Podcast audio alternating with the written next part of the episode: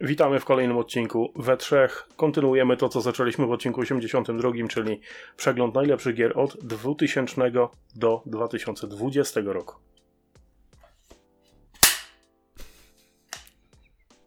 Dwóch po dwóch. Najpoważniejszy podcast o nie zawsze poważnych rzeczach. Jest nas dwóch i żeby kleiła się rozmowa, musimy być obaj po dwóch.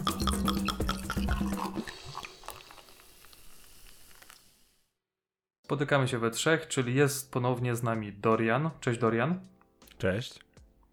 I niezmiennie po mojej stronie jestem ja, czyli Krzysiek. Cześć. A po drugiej jest Adam. Cześć Adam. Siema. Z My z Adamem tego, że... możemy zbić piątkę, bo akurat mam Adama, wiesz, tak tutaj. Nie? Z drugiej Ja, w strony. sumie, Nie, ja strony zrobię tak, bo nie wiem po której będziecie, więc Ty jesteś na dole u mnie. głupio zabrzmiało. Tak, czy nieważne, nieważne, wytnie się. Słuchajcie moi drodzy, zaraz pewnie zaczniemy od piwa, ale e, tak, żeby szybko tylko e, powiedzieć co w dzisiejszym odcinku, to tak jak Adam wspomniał na początku, będzie przegląd najlepszych gier, oczywiście najlepszych gier według nas. E, Klasycznie chcieliśmy po jednej sztuce na każdy rok, wyszło jak wyszło, ale ja spróbuję się tego trzymać, nie wiem jak wy panowie, ale... Ja nic nie obiecuję. W tym odcinku będziemy mieć gry od 2011 do 2020 roku. Trochę się tego uzbierało, ale no, no trzeba, no jak zaczęliśmy, jak, y, jak powiedziało się a, to po, trzeba powiedzieć b. tak? Poniekąd tak. Lecimy z odcinkiem. Chyba, że chcecie się czegoś napić. Ja bym się napił, nie powiem. Co u was panowie dzisiaj? Dorian, może ty zacznij.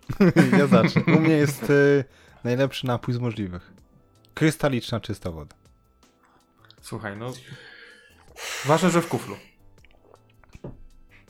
Wyobrażam Adam, sobie, że jest to piwo. u ciebie? U mnie jest namysłów. O, Pils. bardzo dobre Bardzo, piwo. bardzo dobre piwo. Spoko. No. U ciebie, Krzysiu? To jest jedno z niewielu takich powiedzmy y, koncerniaków, który jest w takiej nietypowej butelce, takiej trochę. trochę. Znaczy, to jest chyba najfajniejsza butelka dostępna obecnie w osiedlowej żabce. E, Z racji tego, że nie miałem okazji wyskoczyć nigdzie do sklepu, nigdzie, no to, to zostaje tak jest. Namysłów Ja to chyba też z mam- Opola, nie? I ja też mam y, piwo z Okolica żabki. Opola. I nie dlatego, że Może. żabka nas tutaj w żaden sposób sponsoruje. A E, mogłaby? że- Nie, wcale nie. Mm, Nalegam. E, Po prostu czasami jest tak, że niektóre piwa występują na wyłączność w niektórych y, y, żabkach. E, I nie wiem, czy było akurat tak z tym, ale ja to piwo kupiłem w żabce, a potem się pojawiło w okolicznym Lewiaton. I jest to Miłosław Imakłowicz, tak zwana arcy-IPA. Ja I- nie powiem, co ja przeczytałem za każdym razem, jak pierwszy raz widziałem to arcyipa. E, nie powiem. Ja już wiem. No, Okej. ale Okej, E, tak. E, można się pomylić. Tak. I to jest e, IPA, i tutaj jest napisane, że to jest pięć odmian chmielu i nuta mandarynek z Chorwacji. Także bardzo fajne połączenie. Przyznam się bez bicia, że wcześniej już otworzyłem to piwo, wypiłem i smakowało mi. Mam nadzieję, że teraz będzie podobnie. no ale przyznaj, ta Chorwacja kojarzy ci się z mandarynkami? E, Nie, bardziej na Barcelona. tobie? Mnie Chorwacja bardziej z... Y, Kamienistą plażą dokładnie, jakieś i ładne nieszczęściem widoki. finansowym po, po wakacjach. Jak kiedyś kojarzy... pojadę, to, to, to może. Mnie się kojarzy y, z taką sytuacją, że kiedyś, y, jak byłem w Chorwacji, to y, skoczyłem tak niefortunnie do wody, że trafiłem na tego jeżowca, czy jak to tam się zwie. No i Mhm. tak przez, przeszło przez klapek, na szczęście się zatrzymało na, na nodze, ale niezbyt głęboko. Ale e, mnie mandarynki, mandarynki mi się bardziej kojarzą z Barceloną, ponieważ e, kiedyś jak byłem w Barcelonie, to taką jedną sobie zerwałem i potem się okazało, że to było gdzieś przy urzędzie miasta, jest to surowo zabronione, więc e, nie było. Tak. U- Okej. Uciekałeś przed karabinierami, rozumiem. Nie, nie, aż tak źle nie było. Aż tak źle No nie i było. Krzysiek przez to jest ścigany listem gończym przez Interpol i nie może opuszczać kraju. Tak, i dlatego, dlatego nasłali na niego tajnego agenta Jeżo Zwierza, żeby go dziabnął w nogę. Wszystko to się jest łączy. wszystko przemyślane, tak. Jezus, my już takie pierdoły gadamy, a jeszcze nie piliśmy w ogóle. To jest najgorsze. Dobra, E, otwieramy to piwko. Tak, otwieramy jak najbardziej. Y, A ja bym chciał zapytać, czy mógłbym zacząć e, newsami? Bo mam No, ale dobrego newsa i, i złego newsa. 3, 5, Jak 8. najbardziej, tak, tak. Tylko trzeba przelecieć przez te newsy w miarę szybko, bo ten temat nasz to jest naprawdę rozległy i głęboki, więc wiecie, nie ma co. Nie ma co No, wa- skupiać się na pierdołach. Wasze zdrowie. Tak, ja przelewam. Zdrówko. Okej, Dobre- leci, dobre, leci, bo zimne. leci. Tak, moje też jest y, zimniutkie. Dobra, Doria, no to co tam? za Dajesz newsy newsa.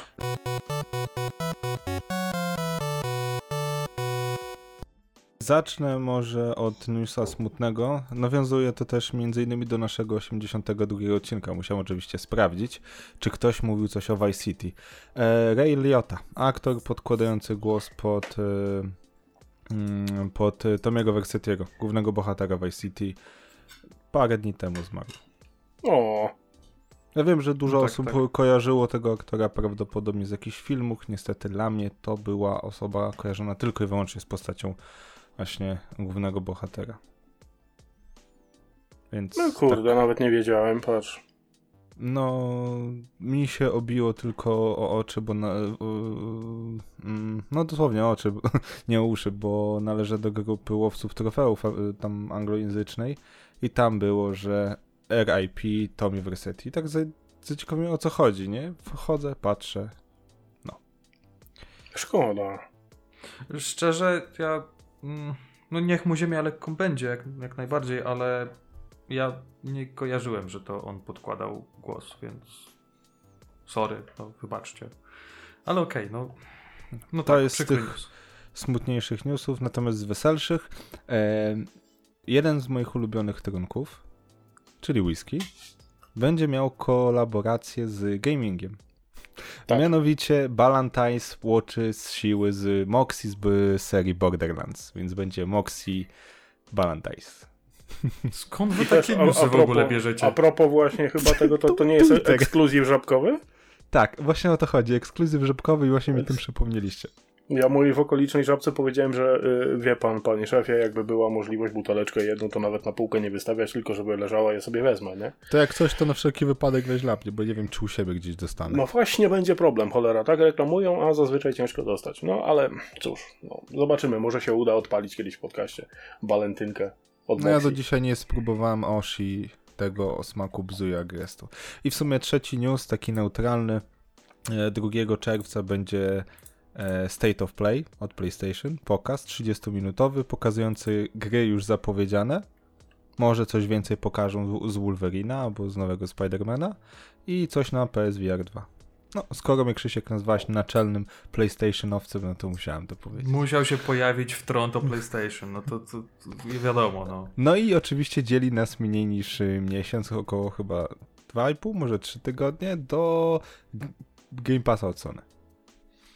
Tak, tak, to tak i oczywiście mija już y, półtora roku od pierwszych zamówień przedsprzedażowych ludzi, którzy nie dostali do tej pory PlayStation 5.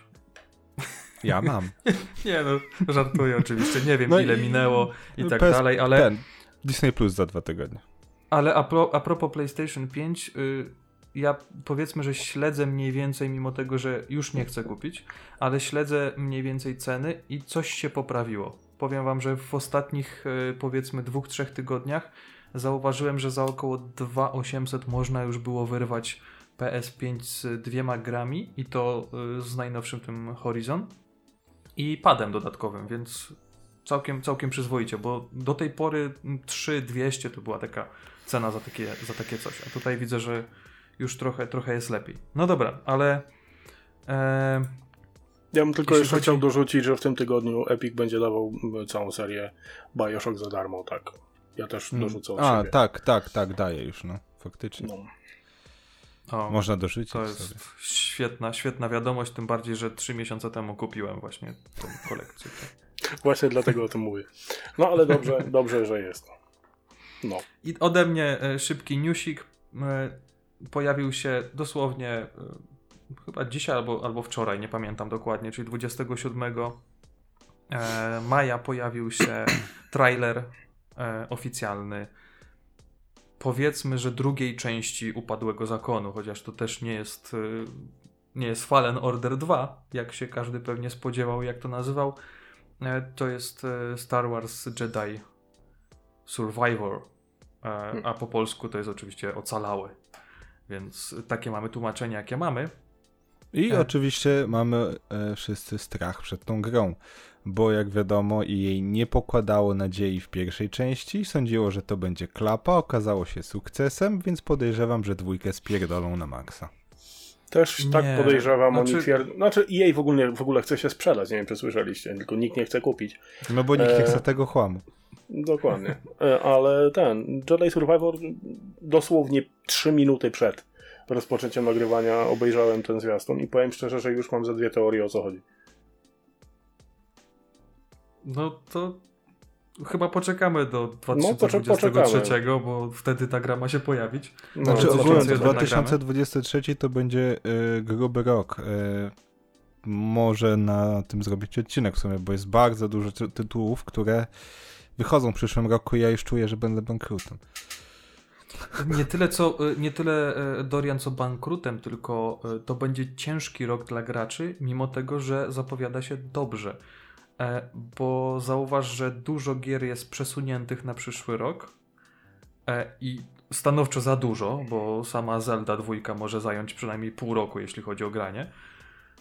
I jest mnóstwo gier, które zostały przesunięte i mnóstwo, które zostały zapowiedziane na przyszły rok, więc tam może być naprawdę mocna sieczka i to nie tylko No, portfela, szczególnie, ale... szczególnie w październiku wszystkiego. przyszłego roku. To jest Brooktober, będzie taki naprawdę. Tak, ale powiem szczerze, że obawiam się, że będzie to, co było w lutym tego roku. Bo w lutym wyszło Dying Light 2, Horizon 2 i Elden Ring, czyli trzy duże tytuły, trzy ty duże tytuły, na które ludzie czekali. Ja osobiście sam miałem na początku problem, co wybrać.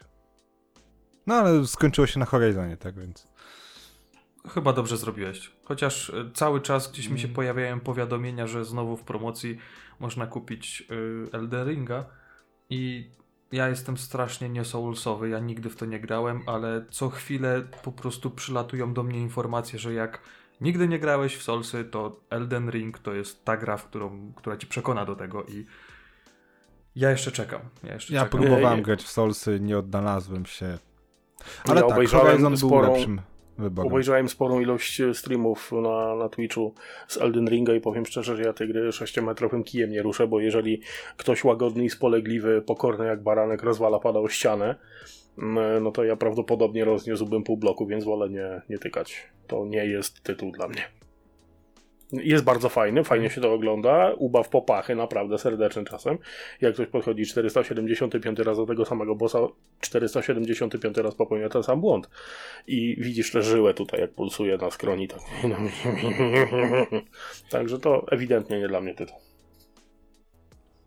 No, a co No do właśnie. Horizona, to tak, Krzysiek, miałeś rację, to akurat dobrze wybrałem, bo to recenzowanie Horizona można powiedzieć, że było swego rodzaju dla mnie kamieniem milowym, bo to była najdłuższa recenzja, jaką do tej pory napisałem i która się trzymała w miarę kupy. Okej, okej, no że w sumie tak, no okej.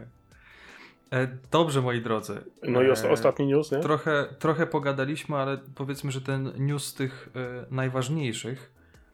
E, zbliża się Pixel Heaven 2022 i to jest wydarzenie na tyle ciekawe i na tyle mm, e, takie, na którym trzeba być, ze względu na to, że to jest dziesiąta jubileuszowa edycja, która odbędzie się w czerwcu, dokładnie od 10 do 12 czerwca, czyli piątek, sobota, niedziela z grami, z retro, z różnymi wspaniałymi ludźmi, którzy się tam pojawią, przybędą, także y, jest, y, jest naprawdę impreza, na którą trzeba pojechać i w związku z tym my w trójkę postaramy się tam być.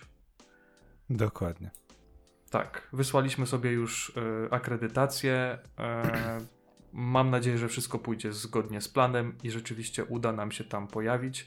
W sobotę i niedzielę tak planujemy, bo w zasadzie piątek to jest taka, taka trochę rozgrzewka, bo dopiero się zaczyna o 16, ale sobota i niedziela to jest cały dzień, calutki dzień e, tak naprawdę gier.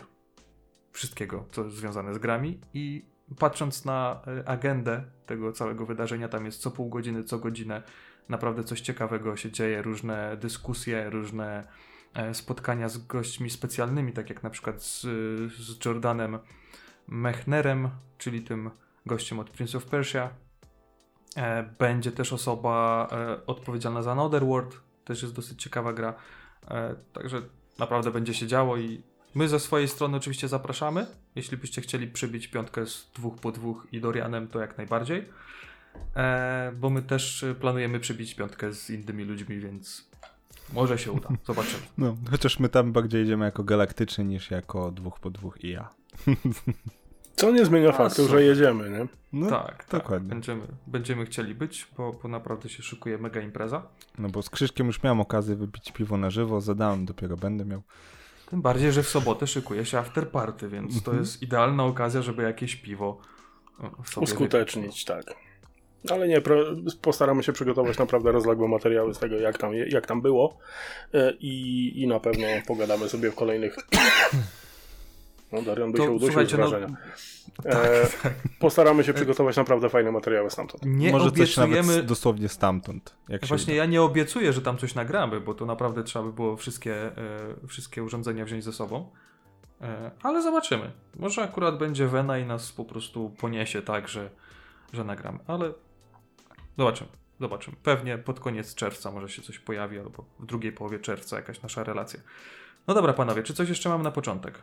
Chyba Ja nie. mogę wam powiedzieć odnośnie Arcy Ipy, że to chyba będzie moje ulubione piwo, jeśli chodzi o lato i taką naprawdę y, dodatnią, mocno temperaturę. Bo no proszę. to jest, to jest, powiem wam, piwo. Y, nie wszystkie ipy mi wchodziły, od razu powiem, ale to jest mhm. naprawdę smaczne. Naprawdę jest wyważone, jest takie typowe piwo, które się można napić, y, jak jesteśmy spragnieni w upalny dzień. Co prawda teraz nie jest upalny dzień, bo nagrywam o 21.40, ale... Znaczy nie ale wiem jak u was. U mnie dzień upalny nie był, był dzień zwariowany, bo było pochmurnie. Pojechałem zrobić zakupy. Wychodzę z galerii, widać, że było mokro, świeci słońce, a potem zerwała się taka wichura, że jakby miał coś na balkonie, tak. to by odleciało. Dzisiaj mieliśmy dosłownie wszystko. I zmieniało się to co, co godzinę, pogoda się zmieniała. Brakowało więc... tylko gradu i śniegu. Tak. Nie no, jedyne pozytywne no to to, to że z, z balkonu widziałem piękną tęczę dzisiaj, o, podwójną. No, to było wszystko, dosłownie od... od Kurde, myślałem, myślałem przez... że powiesz... Myślałem, że powiesz, że przez balkon widziałeś jak pasat sąsiada nie odpala. Ale ja bardzo lubię moich sąsiadów. Dlaczego ty mówisz takie rzeczy? Oj tam, oj tam.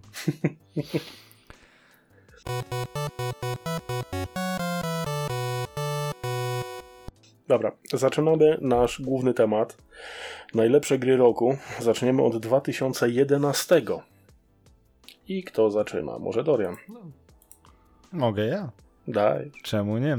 Ja zacznę y, dość nietypowym tytułem. Mm, Alice Madness Returns. Mhm. E, czym mnie urzekł ten tytuł? Po prostu. Hmm, dziewczynka, dziewczynka z wielkimi oczami, gigantycznym zardzewiałym nożem w pokrwawionym fartuchu. Hmm, ciekawe, co to mogło być takiego ciekawego. No, taka mordercza loli, można by powiedzieć. Nie, ale tak poważnie. E, bardzo ciekawy temat ukazania mm, krainy czarów jako choroby psychicznej Alicji. Ja wiem, że to jest jakby. Mm, nie wiem, czy to jest kontynuacja, czy to jest y, remake y, Alice. Y, American McGiallis, tak? Czyli tej, tej pierwszej ja jakby kojarzę części. to jako kontynuację, ale nie dam sobie e, Też mi się tak wydaje, bo m, mm, pamiętam jak kupowałem Alice Madness Returns na Xboxa 360, to ta poprzednia część była za darmo w ramach e, tej gry i tam grało się tą młodszą Alicją, tu się grało starszą. Ogółem świetny slasher, naprawdę. E, gdybym miał możliwość jeszcze raz to zagrać, bez wahania bym to odpalił. Według tego, co, co Google podpowiada, tak, to jest sequel, ciąg dalszy tej gry z 2000. A, no właśnie. Bo od pierwszej części się odbiłem, była to dla mnie za stara. Znaczy teraz pewnie bym sobie zagrał z przyjemnością, bo ostatnio grałem tylko w stare gry. E, w ogóle przed nagrywaniem podcastu właśnie grałem w Prototype 1.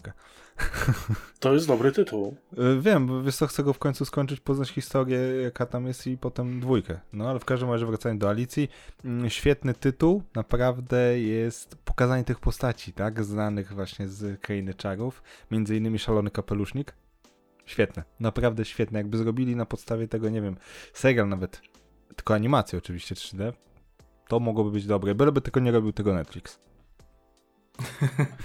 Szcze- e, wiesz co... e, e, Znaczy Amazon też się ostatnio nie wspina, żeby nie było. Ale słuchaj, Amazon to jest 49 zł na rok. To oni tak to da, naprawdę da jak się im rzucą, wybaczyć. jak rzucą nawet jeden film na miesiąc, który rzeczywiście będzie dobry, to da się to wybaczyć, tak? Zwłaszcza, że E. Amazon będzie robił serial God of War, Netflix o Horizonie. E, Kto, kto Horizon popełnił serial Halo? E, nie wiem, nie pamiętam. Apple? Amazon? Nie, nie, nie, Amazon. Teraz googluję sprawdzić. Nie wiem, nie wiem, ale e, to Paramount wyszukajcie, chyba. a ja... A ja nie się zrobili tutaj, tego w e, ten sposób. A ja się tutaj, a, e, Dorian, trochę do ciebie przyczepię w sensie takim, że powiedziałeś, że grasz, grasz ostatnio w stare gry albo starsze gry. To wyobraź sobie, że przed nagrywaniem ostatniego odcinka, czyli 8.4 o Dumie, ja uruchomiłem i pograłem e, tak z pół godzinki, mocne pół godzinki w pierwszego Duma i to w wersji przeglądarkowej, więc e, może być gorzej? Tak. Może Może, być. może, może, Może być, być, gorzej. może być. Dzisiaj byłem właśnie mm, w galerii, zaszliśmy do mm, jednego mm, marketu. Jedna z trzech największych elektro, e, tych mm, sieci elektromarketów. E, I fu. moja żona, żona zauważyła, e, nie, nie akurat, nie, nie ci, e, ale ci też mnie wkurwili. Żona zauważyła Amigę, mm, tą wiecie, z zestawem gier i powiem szczerze, tak cena 500 kusiło, ale z drugiej strony to nie jest coś, co bym od codziennie odpalał. To byłoby bardziej jako taka Hmm. ciekawostka, bo pół, pozycja na półce do kolekcji. Znaczy ja bardzo się cieszę, że nie mam pięciu stóp, bo prawdopodobnie bym wsiąkł dokumentnie. Dlatego, że Amiga to była moja taka naprawdę pierwsza, pierwsza przyjaciółka, jeśli chodzi o granie, nie? Większość gier, które, które poznałem z lat 90. właśnie na Amidze zaczynałem, więc e, no, ja się bardzo cieszę, że nie dysponuję taką gotówką, żeby móc sobie taką Amigę sprawić. Ale bo tak, prawdopodobnie doszłoby, doszłoby do rozwodu. Za 500? Nie, za te 3 miliony godzin, które bym spędził przy tym. Okej. A co do, co do tego, że może być gorzej? Tak, gram Dragon Questa 1 na telefonie. Okej, dobra, nie mam pytań. Okay. No, okej. Racja. Krzychu, twój faworyt z A, 2011? y, ja teraz, Na ja teraz, no to y, słuchajcie, no pierwsze zaskoczenie pewnie, jak też patrzycie na ten y, Excel nasz. I to też było zaskoczenie dla mnie, ze względu na to, że y, ja przeglądając gry z tego właśnie roku, nie kojarzyłem gry, w którą y, po pierwsze grałbym naprawdę bardzo namiętnie i bardzo długo. Chociaż było naprawdę kilka klasyków, jak choćby y, gra, o której zaraz wspomni Adam, y, czy gra taka jak na przykład Dead Space 2, który, który powiedzmy gdzieś jest, jest w moim top przynajmniej 10 gier. E, Jest też Wiedźmin 2, jest Crysis 2, ale ja akurat wybrałem grę z serii Lego. I To są Piraci z Karaibów. I już szybko tłumaczę się dlaczego. No właśnie, mnie bardzo ciekawi, dlaczego akurat Lego Piraci? Wiesz dlaczego? Bo patrząc na to, jak moja, gra, moja Gosia ostatnio grała w tą grę na Xboxie i nie wiem, mam wrażenie, że ona tam z, przynajmniej z 50 godzin zosta e, zostawiła. Jak ta gra e, działała, jak wyglądała i jak się w niej grało, ja też cegiełkę swoją dołożyłem, żeby nie było, bo tam są takie, powiedzmy, w, tej, w każdej grze Lego jest coś takiego, że są takie mini gierki, że musisz coś zrobić, żeby odblokować klocek, odblokować jakąś postać No. i tak dalej. Jest. I jest, jak jest. widzę, że y, Gosia męczyła się z czymś y, setny raz i czegoś tam nie mogła przeskoczyć, no to oczywiście pad wędrował do mnie. I potem ja się męczyłem, e, żeby to zrobić, ale no jak się w końcu udało, no to pad przekazywałem dalej i, że tak powiem, akcja się toczyła dalej, więc e, właśnie dlatego, właśnie dlatego, że e, mimo tego, że gra pojawiła się w 2011 roku, a my graliśmy w to kilka miesięcy temu, No 11 to nadal, później. nadal pokazuje, że gry Lego to jest coś niesamowitego, jeśli chodzi o gry. Bardzo wciągają, są szalenie grywalne i po prostu niezastąpione. Tam może grać e, gościu, który ma powiedzmy jakiś łebek 7-8-letni, ale może równie dobrze grać 30-letni e, starszy gracz i też się dobrze bawić. Także jako usprawiedliwienie i potwierdzenie two, twoich słów, y, sam mam ograne na 100% z platyną naprawdę masę tytułów LEGO. To są Dokładnie. dobre gry, one się... Fakt, pierwsze Gwiezdne Wojny się zestarzały, niemiłosiernie się zestarzały, ale późniejsze części nie aż tak bardzo. No i nie czarujmy się wbrew temu, co mówicie, że, że siedmiolatek siądzie i zacznie grać. E, To nie są proste platyny. To nie jest takie, że hop siup i już. Nie, to, to, to nie, to trzeba nie jest włożyć tak, że- godzin trochę, żeby, żeby przejść tak. jasne, Wiesz jasne. co, ty- to za, tylko to zależy od części, bo na, nie wiem jak w poprzedniej, ale ostatnio LEGO i nie ma mocnych ogrywałem. Tam około 25 godzin mi zajęło, Tylko? ale najnowsze... Tak, tylko. Ale najnowsze LEGO, Gwiezd... LEGO Gwiezdne Wojny zajęły mi z 60 godzin, No właśnie. Ale, Ale- y, y, ale one są Na- gigantyczne. ale to tak na 100% zrobiłeś, czy prawie na 100%? Wszystko. Wszystko. Platyna. Co się tylko dało. Zobacz, ile to zajmuje. No to, żeby przejść Zeldę, musisz mieć 100 godzin. Żeby przejść Lego Gwiezdne Wojny, musisz mieć 60-70, chociaż też zależy od tego, jak to gra.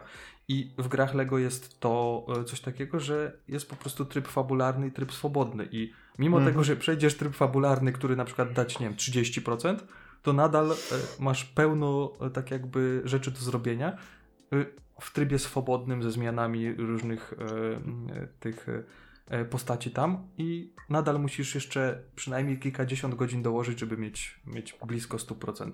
No, żeby E, że każdy coś tam takiego. mini zestaw zebrać, każdy złoty klocek, każdą postać. Tak. Ja, ja jest- też y, kojarzę, kojarzę y, z tamtego roku, że na pewno grałem, y, nie wiem czy w tym roku, czy w, powiedzmy rok później, ale na pewno grałem w Arkham City, jeśli chodzi o Batmana. Grałem y, w Driver San Francisco, nawet przed nagraniem trochę y, pisaliśmy o tym i te gry na Mhm. pewno kojarzę. Y, Ale żeby mieć jakieś naprawdę mocne e, skojarzenie z tamtego okresu, to niestety nie i przeglądając dalej patrzę, patrz, Piraci z Karaibów, no w sumie nie grałem wtedy, ale mam skojarzenia teraz jak to wyglądało. No, a dlaczego to Znaczy, wybrałem, to już to Ustalmy, już wyjaśnię. większość tych gier z tej listy nie była grana w roku prawdopodobnie jej wypuszczenia, tylko później. Po prostu jest to naszym zdaniem najlepsza gra, która była Tak. wydana w tym roku. Tak, nawet jeśli ją grało się 5 lat później. Albo też- 11. Aha, bo Wiecie 11. Co? Tak, ja też, dokładnie. Ja też y, spróbuję trochę y, tak jakby rozszerzyć te nasze tutaj pogadanki i czasami będę wplątywał jakąś ciekawostkę, która się wydarzyła w danym roku, no bo powiedzmy ostatnie trzy godziny przed nagraniem y, trochę tam po, e, e, pochodziłem po internecie i, i, i różnych ciekawostek próbowałem e, wyłapać i w tym roku, czyli w 2011 roku, premierę miała konsola Nintendo 3DS. Szalenie popularna konsola. Jedziesz, ciekawe. I uwaga, w tym samym roku, pod koniec, ale w Japonii, premierę miało PlayStation Vita. Cześć jej pamięci. Tak jest. Dopiero, dopiero na Nie. początku przyszłego roku pojawiła się e, w Europie. Moim Ale- zdaniem dobra konsola, ale zaniedbana. Bardzo. Bardzo zaniedbana, Tak. z bardzo dużym potencjałem. Ja mam wrażenie, że jak już pokazywali PlayStation Vita, to oni wiedzieli, że ona bardzo szybko skończy swój żywot. I tak jakby, nie wiem, nie chcieli tego rozwijać dalej, nie wiem jak to było, ale. Nie do końca. że- Vita miała dwie wersje. Tam, tam był refit w międzyczasie. E, Znaczy- Ekran, w pierwszej edycji ekran OLEDowy został Właśnie, zastąpiony gorszym, ale Tak. tak jakby chcieli pchnąć konsolę dalej, ale tak naprawdę z grami nie było tam za wiele Zobaczcie sobie i, i, i zobaczcie sobie teraz, jak e, pojawił się Nintendo Switch OLED, jakie było wow, że to jest w ogóle zupełnie nowe doznania, bo ekran większy, jest OLED. Okej, rzeczywiście w porównaniu z jakimś marnym IPS-em tak może być, ale rok 2011 Vita No. też miało OLEDa. Może to nie był ten sam poziom, ale na pewno w konsoli e, pokazywał, że Vita jest drogą konsolą, nie? że to jest rzeczywiście sprzęt mobilny, ale z takiej wyższej półki. Znaczy, tak ja u powiem szczerze, ja poluję na Vita w dobrym stanie. Bo Ja się jest- zastanawiam bardzo mocno, czy też nie zacząć odkładać kasę na to, dlatego że, no tak, sklep PlayStation Vita, z tego co pamiętam, już jest zamknięty, więc tam za Nie, bardzo się działa. nie poratujemy. Działa dalej? No, Działa dalej. jednak. Mm, Ale, plany znaczy były. inaczej, y, gry na Vita i na PS3 możesz kupować cyfrowo tylko poza pośrednictwem konsoli. Mhm. Ale Okej. możesz. Tak czy kwak. Ale- Y, To, co ja bym chciał zrobić, to po prostu ją złamać i sobie firmware wgrać taki, żeby mi zrobił z tego y, to, do czego w tym momencie Vita nadaje się najlepiej, czyli do zrobienia z tego po prostu kombajnu do emulacji.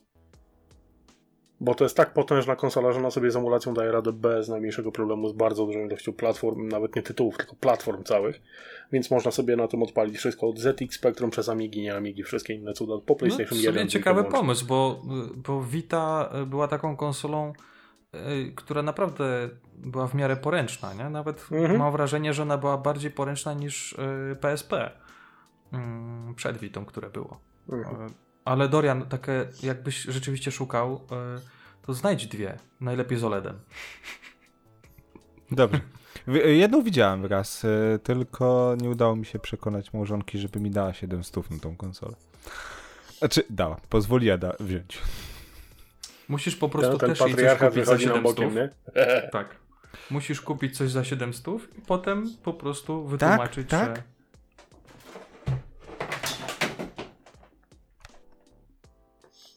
Aha. To Kupiła czekaj, to mi, się, to mi się z dumem kojarzy. Nie wiem dlaczego. Nie, dobra, żartuję. Adam, co tam u ciebie, jeśli chodzi o te gry? No, ja pierwsze podejście do tego odcinka i już się nie zmieściłem w jednym tytule na rok, dlatego że no 2011 e, obrodził, szalenie obrodził i mam wpisane trzy tytuły, nie wiem na który się zdecydować. No pierwszy jaki mam wpisane to jest sztampowo bardzo Skyrim, który wyszedł 11 listopada 2011 roku, czyli 11, 11, 11. Dobrze, że dodałeś, No, ale- że to ta wersja z 11. Tak, tak, tak. Bardzo istotne, tak. E, No ale no, Elder Scrolls, no, no Skyrim do dzisiaj się sprzedaje, do dzisiaj jest ogrywany, do dzisiaj modyfikacje sprawiają, że ta gra wygląda jak wygląda. Drugi tytuł, jaki mam wpisany wtedy, to już wspomniany przez Krzyśka Arkham City. E, Arkham Asylum e, no, wywalił mnie ze skarpetek, przyznaję się bez bicia, a Arkham City był po prostu wisienką na torcie. Był fantastyczny i e, no, do dziś dnia zdarza mi się wrócić do tego tytułu, jeszcze sobie od czasu do czasu tam pobiegać. E, I trzeci tytuł, jaki mam, i chyba to będzie ten faworyt e, na, na ten rok, to jest Portal 2. E, Gra, w której tak naprawdę no ani się krew nie leje, ani, ani nie fruwają bebechy, nie ma komu karku złamać, ani nic takiego. Ale fabularnie do dziś dnia trzyma mnie mocno bardzo przyciśniętego w bardzo niewygodnej pozycji e, do, do ściany, bo, bo w ścianę mnie wmurowało. Po prostu jest tak fantastycznie fabuła poprowadzona, że po prostu bardziej się nie da. I e, tak jak w pierwszej części spoiler, e, zakończyło się tym, że mm, tak naprawdę no, tort to kłamstwo i the cake is a lie. E, tak tutaj czekam na trójkę, bo no zakończenie było takie, że tylko czekać, aż będzie trzecia część. I bardzo bym chciał, żeby była trzecia część. A to E, w sumie, Adam, trochę takie twoje klimaty, no nie? Ten portal. Z tych wszystkich e, trzech gier, które powiedziałeś, to chyba portal jest ci najbliższy, nie? Czy, czy nie? Czy ja wiem, no bardzo mocno się waham między, między Batmanem a Portalem. E, Portal daje spore możliwości, żeby pomyśleć, no i ta fabuła przede wszystkim, bo, bo o ile w Arkham City fabuła też jest fantastyczna, e, tak jednak ten portal jest dużo bardziej tajemniczy, no bo jednak w Batmanie można było przewidzieć, jak to się rozwinie, w którą stronę pójdzie, nie ma niespodzianek, nie? E, W Mhm. portalu jednak zaskoczenie było dosyć spore. Było kilka takich zwrotów akcji, że będę je pamiętał do, do naprawdę chyba grobowej deski, bo e, no, fantastyczna rola e, pana J.K. Simonsa wcielającego się w e, jak on miał? Pamiętam aktora, nie pamiętam postaci, psia krew. Cave Johnson. W Cave'a Johnsona. Choćby dla samych tekstów, które on tam opowiada, to, to warto tę grę przejść. E, facet wygrał wszystko, kupił sobie dzięki jakiemuś kontraktowi wojskowemu kopalnię soli w Luizjanie czy innej Minnesocie i tam zaczął testować e, technologie, których nigdzie wcześniej ani później nikt nie chciał testować. No i e, wchodzi się do w wyniku fabuły lądujemy w bardzo starej części tego całego laboratorium. No i tam zaopatrzeni w działko portalowe i ziemniak musimy przejść przez stare komory testowe, które przechodzili na początku e, astronauci, olimpijczycy, w ogóle wszyscy najlepsi, a na końcu bezdomni, niekoniecznie e, aktywni członkowie społeczeństwa, więc e, cały rozwój fabuły i, i prze, przeskok przez wszystkie dziesięciolecia, jakie tam miały miejsce, naprawdę polecam bardzo mocno. Jeżeli ktoś portalu dwójkę nie grał, what the fuck. Trzeba, musowo Ale trzeba. Dobrze, że to, to powiedziałeś, że to jest Portal 2, a nie Postal 2. Nie, Postala dwójkę, wiesz co, w Portalu dwójce nie da się nawlec kota na lufę, to jest bardzo istotne, w, portal, w Postalu, przepraszam, dwójce się dało. Nie pochwalamy czegoś takiego. Ale to była Ale za tłumik robi dobrze. Za tłumik robi dobrze. To była naprawdę taka, oj, mocna gra, mocna gra. To co? Przechodzimy chyba dalej, coś mi się wydaje. Mhm. 2012. Ja Dajesz. No to dajesz, lecisz. E, no to ja powiem 2012. Dla, dla tych, którzy się urodzili właśnie w tym roku, bądź rok później, przeżyliśmy koniec świata. Nawet jest dokument na ten temat. Ui. Nie, tak poważnie. E, Lego Batman 2 u mnie. Nie. I e, Kolejna gra Lego na liście? Nie może być. Zaskoczę. Dlaczego Lego Batman 2? Jest to część, w którą do dzisiaj nie zagrałem. Ale uważam tą grę za najlepszą, ze względu na to, że ona była bardzo znacząca dla całej serii Lego. Bo jest to pierwsza część Lego, w której jest pełnoprawny dubbing z pełnymi dialogami, a nie pomrokami. Jak do tej pory było.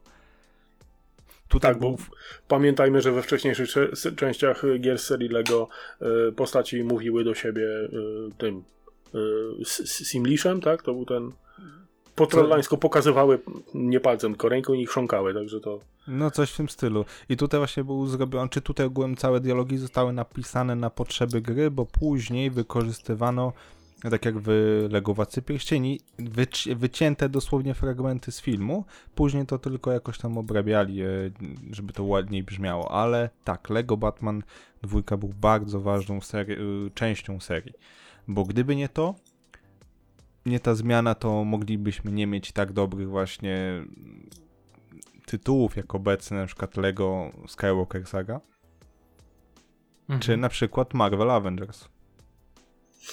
Też mi się tak wydaje, no.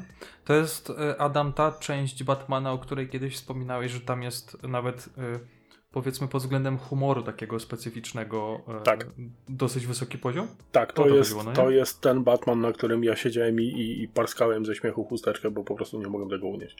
E, ja wszystkie, jeszcze... znaczy, wszystkie te gry z serii Lego są zabawne, bo one są napisane tak, po tak, to, żeby tak, były śmieszne. Tak, Ale dokładnie. nie wiem, czy to akurat trafiło w moje zboczone poczucie humoru, czy po prostu, nie wiem, akurat byłem w takim stanie psychicznym, że mi podeszło. Ale no Lego Batman 2 naprawdę, jak na tamte czasy, to po prostu szef z Kisi, bo kierwać ze śmiechu. Ja znaczy, jeszcze nie grałem. Mam to, to na znaczy, Epiku, ale Gosia jeszcze nie grała, ale, e, ale może to jest rzeczywiście tytuł Lego do nadrobienia. Nie. Wiem, że jakiegoś Batmana uruchamiałem, ale nie wiem, czy to nie była trzecia część.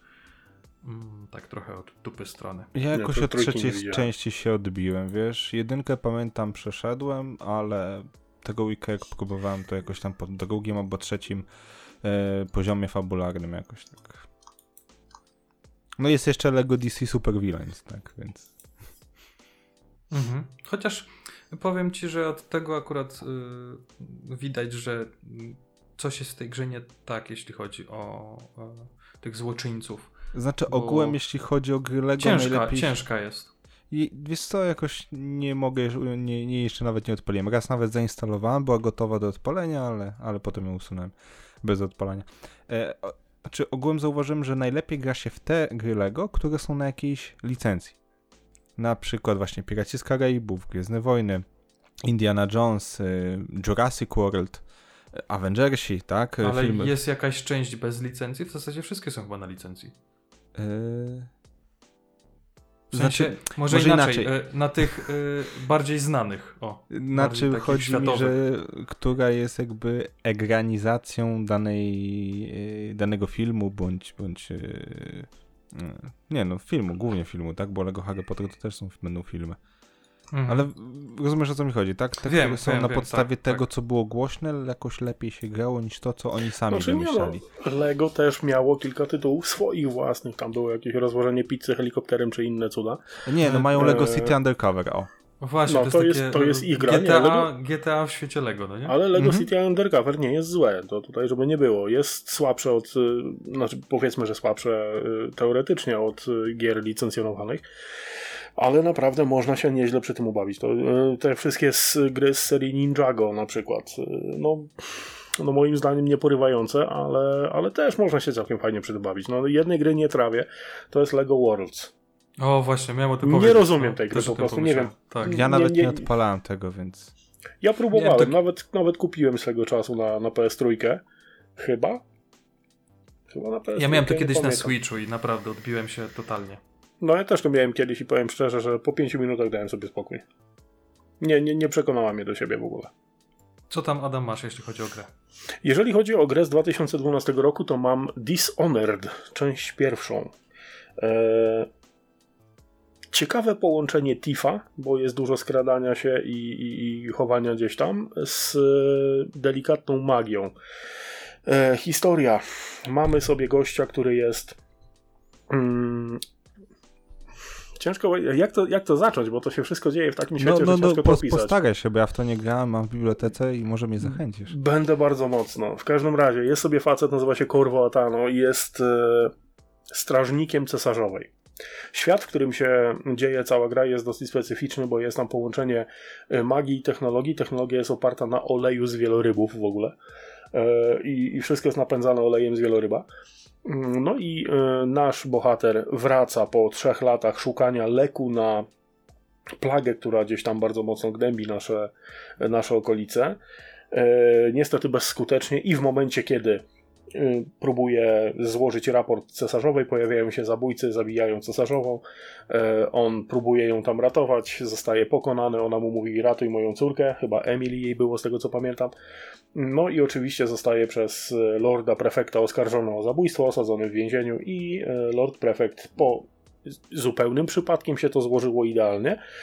Po śmierci cesarzowej bierze tą córkę cesarzowej w niewolę, chowa ją gdzieś tam w najwyższym pokoju e, wieży i e, naszego bohatera wrzuca do więzienia. No i naszym e, celem jest wydostać się z więzienia i odbić Emily i pokonać tego całego złego. Oczywiście pomagają nam przy tym członkowie ruchu oporu, e, lordowie rozmaici, no i cała gra polega na tym, że mamy rozwiązać problemy lordów. Najczęściej kończą się one tym, że musimy zamordować e, osoby odpowiedzialne za coś tam. Nie?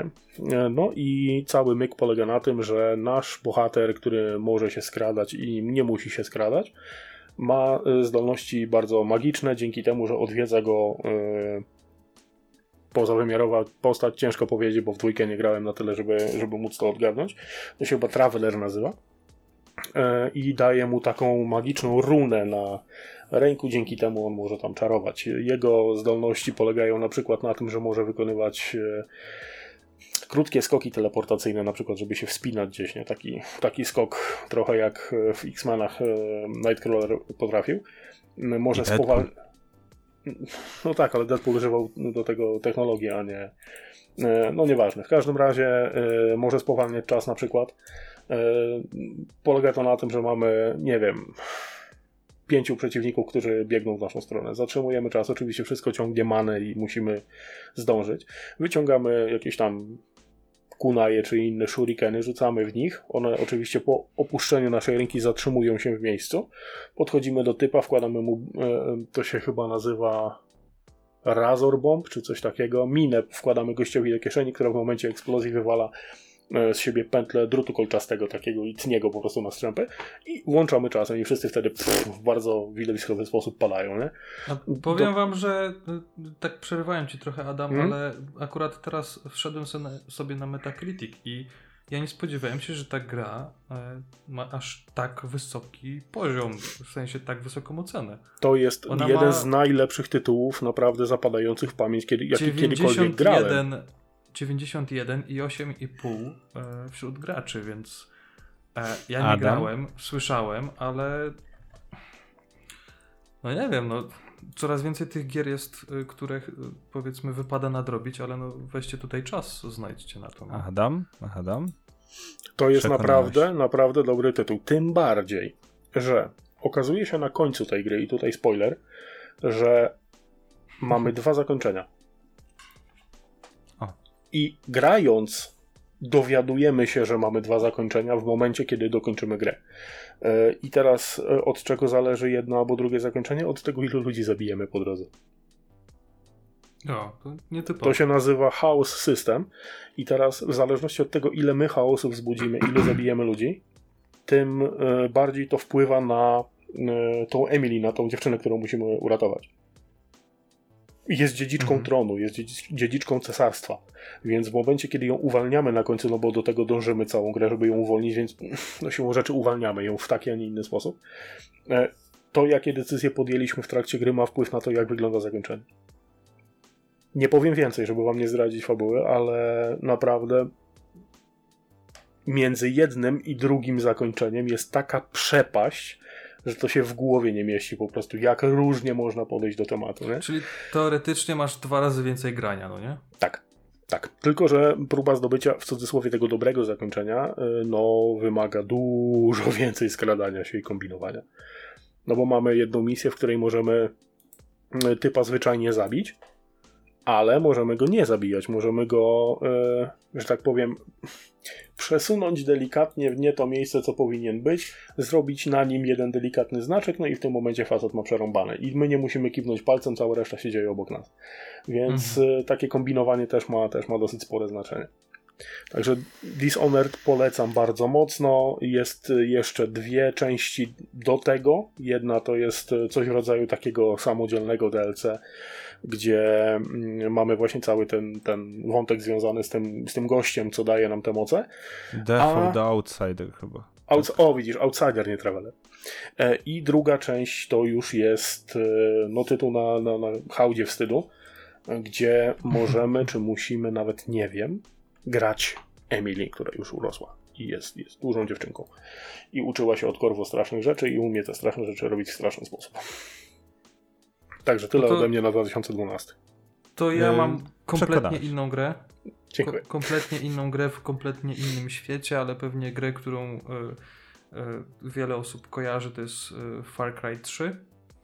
Dlaczego Far Cry 3? A no bo dlatego, że to, był, to była chyba jedyna część Far Cry'a, w którą grałem najdłużej. Nie, raczej nie przeszedłem, bo y, ja mam mało gier, które powiedzmy y, maksuję na 100%, e, ale y, jak na tamte czasy to była naprawdę przede wszystkim ogromna gra e, i była też trochę podobna do Crysisa. To też jest swego, wiecie, takie dżungla, plaże, coś tam, morze i tak dalej, i tak dalej. I, i to jest, to jest chyba, chyba przez to, że, że jako jedyna część z, całe, z całego, tak jakby z całej marki Far Cry e, kojarzy mi się najbardziej. E, to raz, a dwa, e, wyobraźcie sobie, że ona w zasadzie w kilka miesięcy po premierze była sprzedana, e, przekroczyła sprzedaż 4,5 miliona, a pod koniec 2014 roku pyknęło 10 milionów, więc jak na tamte czasy, to chyba są całkiem spoko liczby, no nie? Spoko, Mhm. a teraz powiem ci teraz ciekawostkę. Mm, Far Cry 3 to jest część, w którą grałem najkrócej, czyli około 30-40 minut. O, a czemu? Nie wiem, jakoś tak. Może, może za stara gra, bo mm, Far Cry 3 próbowałem odpalić ze 2-3 miesiące przed premierą szóstki. A, no to może zmienia postać rzeczy. Ja mam wrażenie, że grałem w nią w miarę szybko, jak się pojawiła. E, I też to nie było wcale takie jakieś, powiedzmy, oczywiste, bo ona też miała w miarę wysokie wymagania sprzętowe i czasami lubiła zahaczyć. I Powiem wam, że jak tak patrzę na ten 2012 rok, to rzeczywiście jest mnóstwo gier, które ja kojarzę i w które na pewno grałem, ale jakoś z tym Far Cry'em mam najwięcej takich, e, takich jakichś flashbacków w głowie. No bo jest na przykład, na przykład, na przykład Max Payne 3, e, którego ja trochę tak nie nie wrzucam do tego samego worka co jedynki i dwójki. E, to już pomijając to, że to inne studio w ogóle robiło i tak dalej, ale, ale jakoś tak y, trochę się odbiłem od tego Maxa Payne'a. E, był, była jeszcze gra, y, która, którą kojarzę z, z książki. Ostatnio czytałem Wciśnij Reset Jasona, Jasona Schreiera i tam była gra, która się nazywa Kingdoms of Amalur Reckoning. I to głównie przez to, że o niej przeczytałem, jakoś tam powiedzmy mi się skojarzyła, ale też nie grałem w to jakoś bardzo namiętnie, tak samo jak Prototype 2 czy Torchlight 2. Ja nie, też... nie skończyłem Kingdoms of Amalur, chociaż był bardzo fajny. To jest no, naprawdę no, jed, jeden z lepszych tytułów, ale, ale nie, nie przebrnąłem przez niego. Jeśli właśnie chodzi o Kingdoms of Amalur, no to on też jest na Switcha. W wersji oczywiście tam zremasterowanej i z nowymi dodatkami do gry, która ma e, powyżej, grubo ponad 8 lat, tak, e, dostała dodatki. No właśnie i zobaczcie, że już samo to świadczy o tym, że mimo tego, że nie grałem, świadczy o tym, że to naprawdę była jedna no, ważna gra, tak? Dlaczego akurat ta gra się doczekała jakiegoś remastera, a nie, a nie coś innego? Hmm. Także tutaj też o tym, o tym powiedzmy, że, że dobrze świadczy. Kingdoms of Amalur miało to do siebie, że dawało, jak na RPGa, bo był to bez wątpienia RPG fabularny, e, dawało bardzo duże możliwości, jeśli chodzi o budowanie własnej postaci. Nie byliśmy uwiązani do żadnego buildu, nie byliśmy uwiązani do żadnego mm, e, do, do tak zwanej rasy klasy. E, ja bardzo chętnie grałem, jeżeli przechodziłem tę grę, podchodziłem do niej kilkukrotnie, za każdym razem przerywałem w tym samym miejscu, bo po prostu miałem dość zombiaków na pustyni. E, można było grać na przykład kręcącym bączki, e, walącym z ukrycia zabójcą, wyposażonym w dwa jakieś takie, to się Feyblades nazywało, trochę wyglądał jak ten You Are Not Prepared z World of Warcraft. E, takie podwójne miecze elfickie, albo na przykład bardzo przyjemnie mi się grało magiem, który mm, był uzbrojony w dwuręczny młot bojowy. I teraz mieliśmy jakiegoś delikwenta, dostawał błyskawicą, biegł trochę, trzęsąc się po tej zerze do nas, no i do, z obrotu pach dostawał, dziękuję, następny, nie? Także to była gra, w której mogliśmy sobie zbudować postać tak, jak nam pasowało, e, która mogła być dobra na odległość, mogła być dobra w zwarciu, mogła być dobra i tu, i tu. Więc nie, nie było czegoś takiego jak e, w Skyrimie na przykład, że i tak wszyscy kończą łucznikiem. no to jest takie takie dosyć ciekawe, ale y, Kingdoms of Amalur Reckoning miało też y, bardzo smutną historię i tutaj polecam trochę poczytać na ten temat, dlatego że ta gra początkowo miała być MMO. Tylko, że mhm. studio, to się chyba Studio 38 nazywało, z tego co pamiętam, nabrali pieniędzy gdzieś tam jak, jak y, głupi gruszek do czapki i przeliczyli się po prostu. Oni byli pewni, że oni za 30 milionów dolarów zrobią grę, której budżet powinien mieć 300. I mm, to też możecie przeczytać wszystko w tej książce. No, gra jest, jest ewidentnie niedokończona. Ona, ona miała gigantyczny potencjał. Ja się bardzo, bardzo no, ubolewam nad tym, że, że ona skończyła w takim stanie, w jakim była, ale mimo wszystko dalej warto w nią zagrać, bo nawet po tylu latach tytuł jest bardzo fajny, co też właśnie to, co mówiliście, że 8 e, lat e, gruchnęło dawno temu, a jednak nowe rzeczy wychodzą do niej, więc e, myślę, mhm. że to jest, to jest tytuł, na który też warto zwrócić uwagę. A ja tylko wtrącę Dobra, się.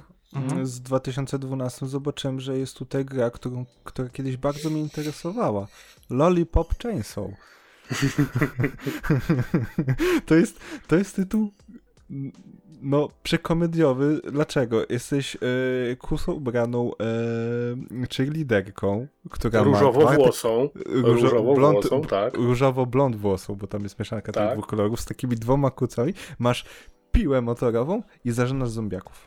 Tak, ale to też jest, nie wolno zapomnieć to... o, o, akcesorium, które ma przypięte do pasa, czyli odciętą głowę swojego byłego, czy tam obecnego, czy tam no, świeżo, świeżo poległego chłopaka. Ale laska jakby tak trochę jeszcze bardziej podkolorować, to ona bardzo by przypominała Harley Quinn, nie? Z, tak. Z Batmana. Tak. To tak. Być Absolutnie może to nawet nie jest trochę... przypadek. Tak, tak. Trochę, trochę było wzorowane na tym. No Dobra, ja tak zamykając... Do, dobry pomysł. Zamykając trochę 2012 rok, to, to powiem od siebie to, co sobie tutaj zapisałem, że w tym roku e, trzy marki, trzy franczyzny obchodziły 25-lecie i to był Mega Man, Street Fighter i Metal Gear. Także też myślę O proszę. znane, Hashtag znane nikogo. każdemu. Tak, taka wiedza bezużyteczna, jak to się mówi, no nie? Ja myślę, panowie, że musimy trochę mm, przyspieszyć, żeby ten Mhm. odcinek nie trwał 6 godzin, bo jednak yy, późno się robi, a nie chcemy go już dzielić jakoś tam za bardzo. Nie pamiętam, ile trwał poprzedni odcinek, ten 82. Dwie i pół. Yy, Poważnie? Dokładnie Ile? 2,18. Boż, no dobra. Ale w sumie się dobrze słuchał, więc może rzeczywiście tutaj też jestem pewien, że dwie godziny pykną. E, I tak, mamy jeszcze 8 lat do omówienia, a my mamy prawie godzinę nagraną. Ale teraz pójdzie chyba szybciej. Okej, to y, też zaczynasz, czy jakąś roszadę robimy? Ja mogę zacząć. Chyba, Daj. że, Ad- e, chyba chcę, że Adam chce. Nie, nie, Nie, dobra. Nie, no dobra, no to lecisz. zaczynamy 2013 i oczywiście u mnie będzie Assassin's Creed Black Flag. Z dwóch powodów. Po pierwsze, moja ukochana wtedy jeszcze ukochana seria i Piraci. No i Czarnobrody. Ten Czarnobrody, który został tam pokazany, widać, że był faktycznie wzorowany na tych jakby trochę legendach tego Czarnobrodego, który był faktycznie, tak? Tam ta cała jego legenda, te jego e, ląty, które trzymał w, zaplecione w brodę, które się paliły, tak? No, świetnie wy, napisana postać na potrzeby gry. E, Nie to, co było w tym Disneyowym, tak? W nieznanych wodach. Piraci z Karibów na nieznanych wodach. To było słabe. I Dlaczego ta gra moim zdaniem najlepsza? Po pierwsze, właśnie mamy pierwszą porządną grę o piratach. To nie był Assassin's Creed, to było gra o piratach. Jakby nie Masz miało bardzo- Assassin's Creed w tytule, to też by się nic nie stało chyba, nie? Ale to myślisz, że y, można powiedzieć o Valhalli tak samo teraz, że to nie był Assassin's Creed, tylko to była gra o wikingach, czy nie? Czy to już nie ma takiej No, myślałem, że takiej chcesz mocy? powiedzieć, że to było główne. E, tak, to była gra o wikingach. tak, to była gra o wikingach. I, i na tej Okej, części okej. moja miłość się do, do tej serii zakończyła. Nie, kolejna ma być w Radomiu, więc słuchaj, no jeszcze A, nie, uprze, nie uprzedzajmy faktów. Dodam szansę. No ale w każdym razie, Assassin's Creed Black Flag zdecydowanie polecam. Eee, masa, tam jest masa w ogóle dobrze napisanych postaci. Widać, że się troszeczkę postarali. E, też e, bardzo dużo tych cutscenek było robionych na zasadzie motion capture. Więc Mhm. tu był, postarali się, no w tej części się postarali. Tylko niestety wą- wątek no, współczesny był do dupy, ale... Co, nie można mieć wszystkiego. To jest ta część, w której była tam gra komputerowa, tak? To jest to? Tak, że oni robili grę komputerową. No. Że pracujesz w Ubisoftie, który e, współpracuje z Abstergo. Tak. Zupełnym przypadkiem położyli na tę łapę templariusze, tak? No dokładnie. No. Więc jak ktoś lubi Adam? piratów, zapraszam.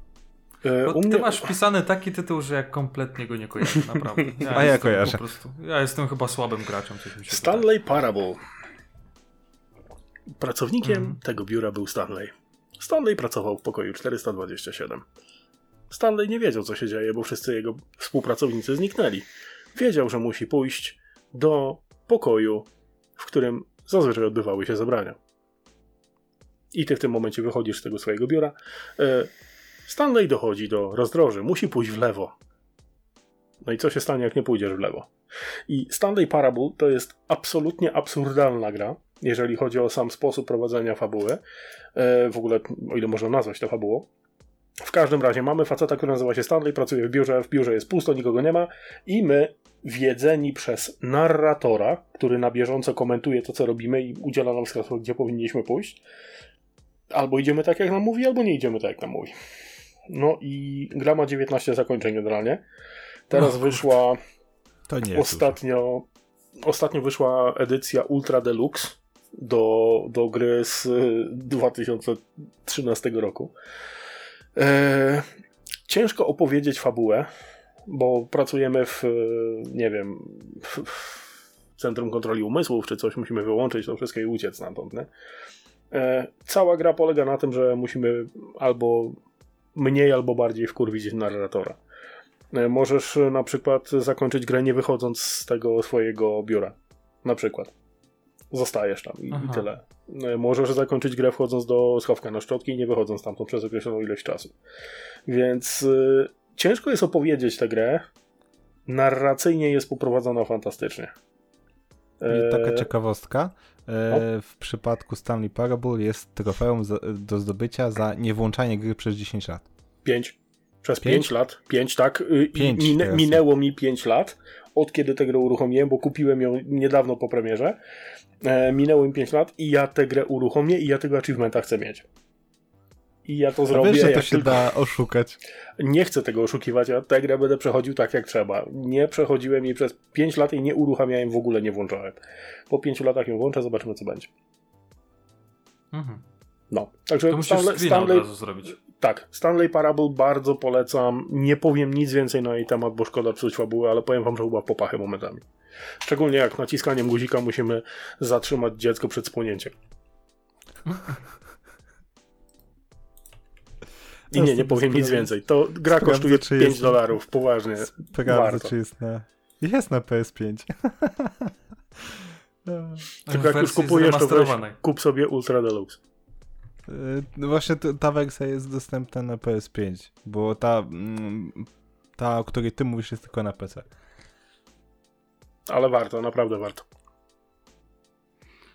To co, mogę ja? No, dajesz. Ja Jeszcze tylko jedna panowie- ciekawostka, przepraszam y, Krzysiek. Właśnie wyczytałem, że jest to e, na początku to był dodatek do Half-Life'a dwójki. Co Co? ty gadasz? Stanley Parable? Tak. Jest to ulepszona, komercyjna wersja wydanego w 2011 roku dodatku, do, a czy dodatku, modyfikacji do Half-Life'a dwójki. Okej. Spoko. Dobra, już. Kurde, już. w życiu no. bym na to nie wpadł. Różne rzeczy są, no ale Ha, patrz. To mnie bardziej, bardziej zaskakuje mnie ta informacja niż to, że Adam miał tą grę po prostu w swoim zestawieniu, coś mi się wydaje.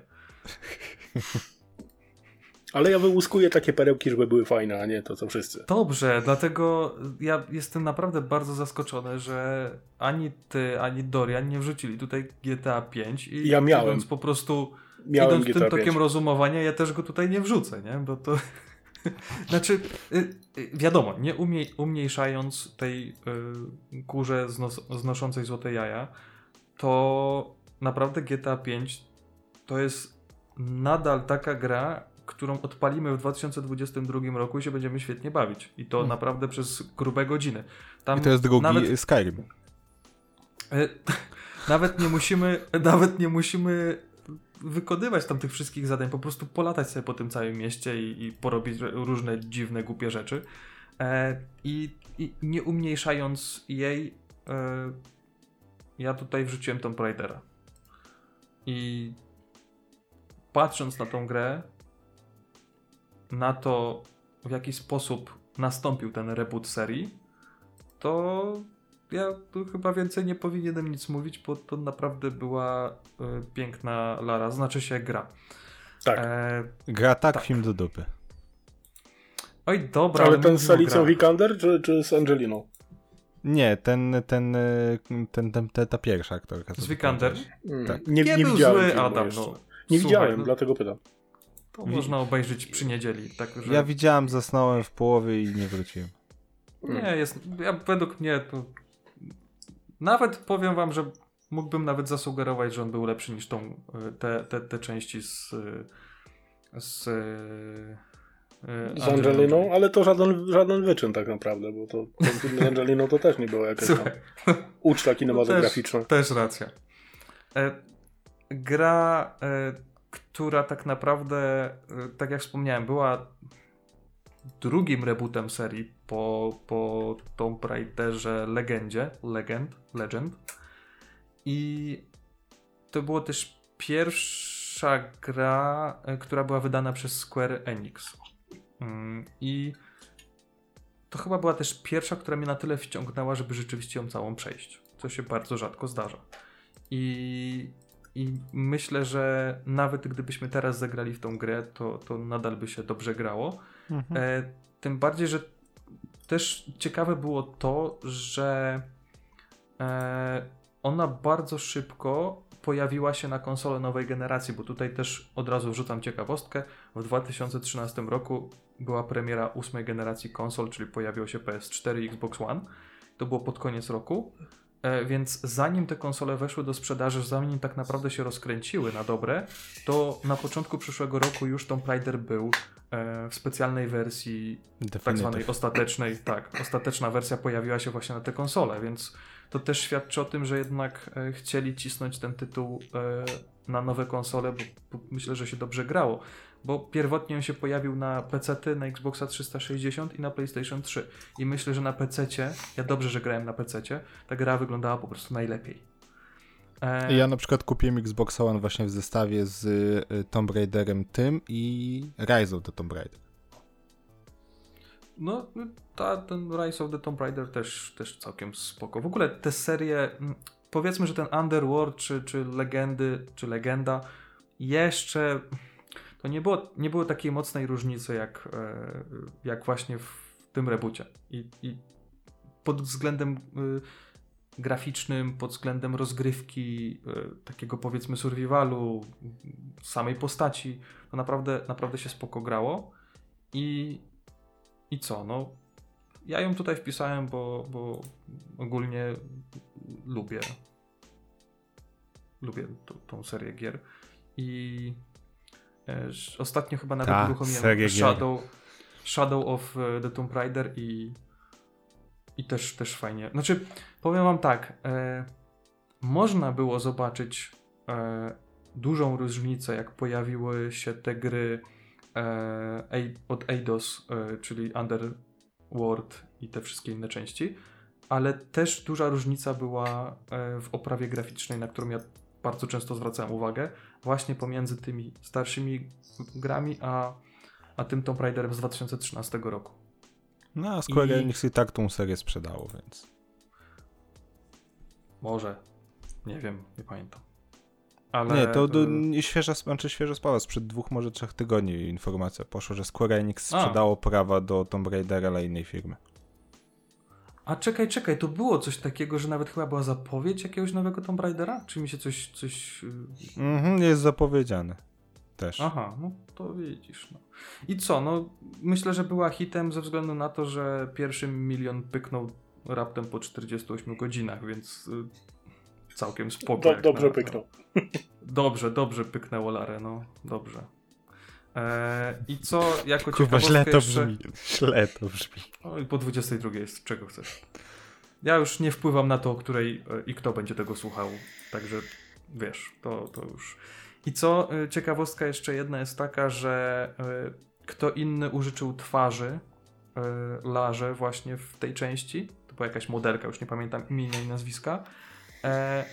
Ale co ciekawe, w tej grze bardzo duży nacisk położyli też na e, polski język, polską wersję językową. I tutaj e, w polskiej wersji była to Karolina Gorczyca. To całkiem sympatyczna polska aktorka.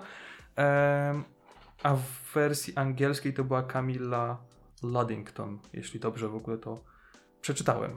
Mm, także pod względem lokalizacji też się sporo działo, bo z tego co kojarzę, to nawet w japońskiej wersji też ktoś tam lokalnie znany był, żeby, e, żeby zrobić, e, zrobić ją w języku e, japońskim. Lokalnie albo ten, kto ogląda anime. Znaczy ja tutaj, tutaj chciałem dorzucić, że modelka, o której mówiłeś, nazywa się Megan Farkuchar i o rany Julek, jaka ona jest ładna. No, dlatego też ta gra była ładna. Lara była ładna. No, co tu dużo Megan jak? Farkucher. Pytam dla kolegi. Dokładnie. No. Także no, to, polecam to nawet zagrać teraz. Nieprzyzwoicie atrakcyjna kobieta, naprawdę. I ja się zastanawiam, dlaczego tutaj było Peggy 18. E, przez to... sceny śmierci Lary. E, tak, czy to przez, przez to właśnie, sceny śmierci. Tutaj poniosło twórców gry o rany Julek. Ale fajnie to Jak... było zrobione. No bardzo, tylko że tego wewnętrznego psychopata można było połechtać, jak tam gdzieś się śliznąłeś nie w ten kamień co trzeba, jak przypierdzieliła 40 na godzinę gdzieś tam pod wodospad. No, Ale powiem to, ci, że wow. To było takie coś, że jak ty grałeś w tą grę, e, w tę grę, to przeżywałeś tą historię razem z nią. Ja nie no dobra, daleko idziemy, ale spociłem się parę razy przy tej grze. Naprawdę. Mhm. Ręka, tak powiem- ręka na myszce mi się ślizgała. Byłeś w larze, tak? E, Przechodzimy do roku 2014. Bardzo szybko. I, Wybacz, musiałem, musiałem. I pozwólcie panowie, że e, ja zacznę e, ze względu na to, że z tym rokiem miałem problem. Problem miałem taki, że patrząc na te wszystkie gry, które wychodziły i naprawdę było kilka tytułów znanych czy bardziej znanych, myślę, że to nie był tak mocny rok jak wcześniejszy rok. E, Mm, I na pewno tak. nie był tak mocny rok jak przyszły, czyli 2015. I ja naprawdę miałem problem z wybraniem gry. I powiedziałbym bardziej, że nie mam takiej gry z tego roku, ale e, wiem, to trochę będzie takie nie do końca prawdziwe, jak powiem, że w, w, z 2014 roku wygrałem, wybrałem e, Bayonettę 2. I już tłumaczę dlaczego. Jeśli miałbym rzeczywiście się zdecydować na jakąś grę, to tak trochę trochę tak naciągając tutaj te nasze zasady, ze względu na to, że Bayonetta 2 pojawiła się pierwotnie w 2014 roku i wcale nie na Nintendo Switch. A ja Nie. właśnie grałem w, tą, w tę grę na Nintendo Switch. No, ona przez E, długi czas była ekskluzywem na Wii U, Wii U. Dokładnie, dokładnie tak. E, I myślę, że totalnie lepiej się grało w tę grę na Switchu niż na Wii U, Wii U. E, I to jest, ja, ja zawsze mówię, że to jest taki trochę e, e, Devil May Cry, tylko po prostu w babskim wydaniu, nie? I Coś w tym jest. to idealnie pasuje chyba to określenie do tego i ubawiłem się srogo, nie przeszedłem tej gry od razu mówię, ale e, kilka godzin pograłem i to jest naprawdę wciągająca ściągająca gra i, i myślę, że jeżeli ktoś ma Switcha, to powinien e, tę grę mieć ze względu na to, że jak kupowało się dwójkę, ja mam w wersji fizycznej, to od razu był kod na pobranie e, jedynki, pierwszej części, O, a na Wii U, Wii U, Wii U to chyba było tak, że był po prostu dysk dodawany z tą pierwszą Ale częścią też, właśnie też, by, też była dodana ta pierwsza Tak. część. jedynka jest też chyba na innych platformach, bo ja na przykład mam na, na PlayStation, ale kolejnych części właśnie, no niestety, żeby Tak, i ja odgrać to tutaj muszę już troszkę... na Switcha przeskoczyć. Ja też się troszkę tutaj będę bronił, bo ja zawsze klnę na ekskluzywy. Bardzo mi się nie podoba fakt, że e, konkretne tytuły wychodzą tylko i wyłącznie na konkretne platformy, mimo że teoretycznie by nie musiały. W przypadku Bajonety dwójki, no tutaj dziękuję Nintendo, jakby nie Wii U, Wii U, to byśmy w ogóle Bajonety dwójki nie mieli, więc e, tutaj po cichutku dziękujemy, nie wychylamy się. Ten ekskluzyw był ok, zrozumiałe dlaczego był. Ale w przypadku Bayonetta ja tylko zacytuję PewDiePie'a, best game ever. Szczególnie jak była scena, jak Bayonetta tam czarowała, była praktycznie cała naga, on wtedy best game ever. To słuchaj, no coś w tym było rzeczywiście, ale to, to, to czymś ta gra się musi wyróżniać, no nie? Nie No, tylko jakieś tam tak. strzelanie i, i tak dalej. Ale e, tutaj y, tak będzie Bayonetta 3, ona już jest zapowiedziana, ale coś mi się wydaje, że ona się nie pojawi w 2022 roku, tylko to znowu zostanie przerzucone e, na kolejny rok. Chociaż to Znaczy, mocno, mocno nie się miała tutaj... premiery? Serio? Nie, nie, nie miało na pewno. Chyba, że chyba, że coś pomieszałem, ale raczej nie. No nie, nie miała faktycznie. No dobra, no w sumie ja już się trochę nagadałem. Adam, Hmm. co, jest, co jest po twojej stronie i dlaczego to nie jest e, Elite Dangerous?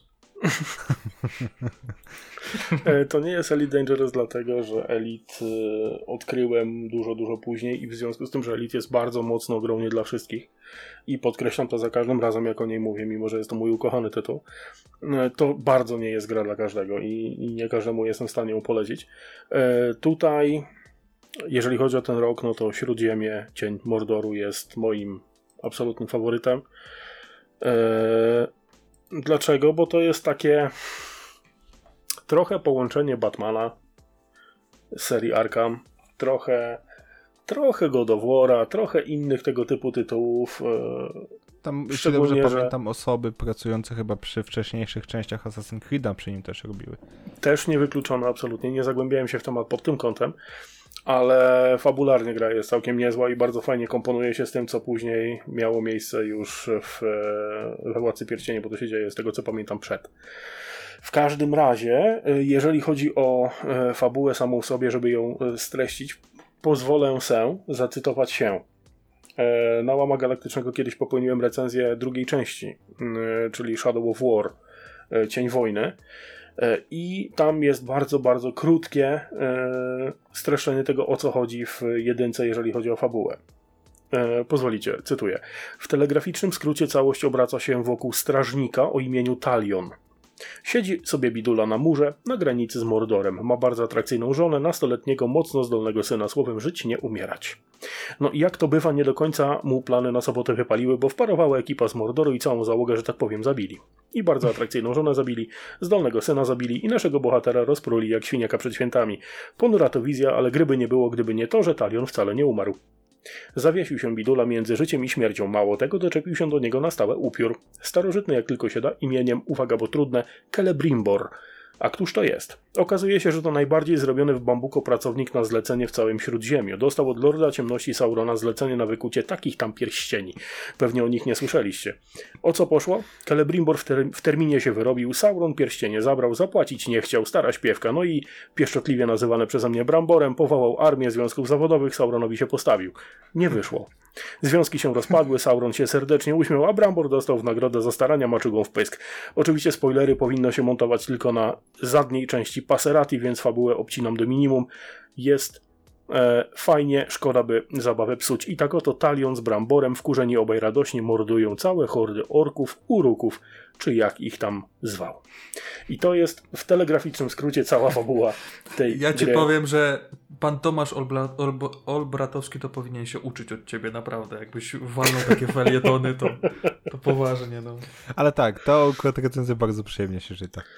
No, także tutaj y, gra przyjęła się na tyle dobrze, że no, miała część drugą. Oczywiście nie obeszło się bez kontrowersji. Mm, wrzask, jaki podnieśli fani y, Tolkiena, czyli, czyli mm, to, jak ja zawsze mówię, dziadzio Tolkien. Mm, no co, że niby nie kanoniczne. No, skąd pomysł, że to wszystko musi być kanoniczne? No i polecam bardzo mocno zagrać tę grę i w drugą część też, bo jest jeszcze lepsza niż jedynka, a jedynce wcale nic nie brakuje. Tyle, jeżeli chodzi o ten tytuł ode mnie. Polecam bardzo mocno, nic więcej nie powiem. Absolutny tytuł roku jak dla mnie. To y, pozwolisz, Dorian, że zanim ty powiesz o swojej grze, która no, jest zaskakująca.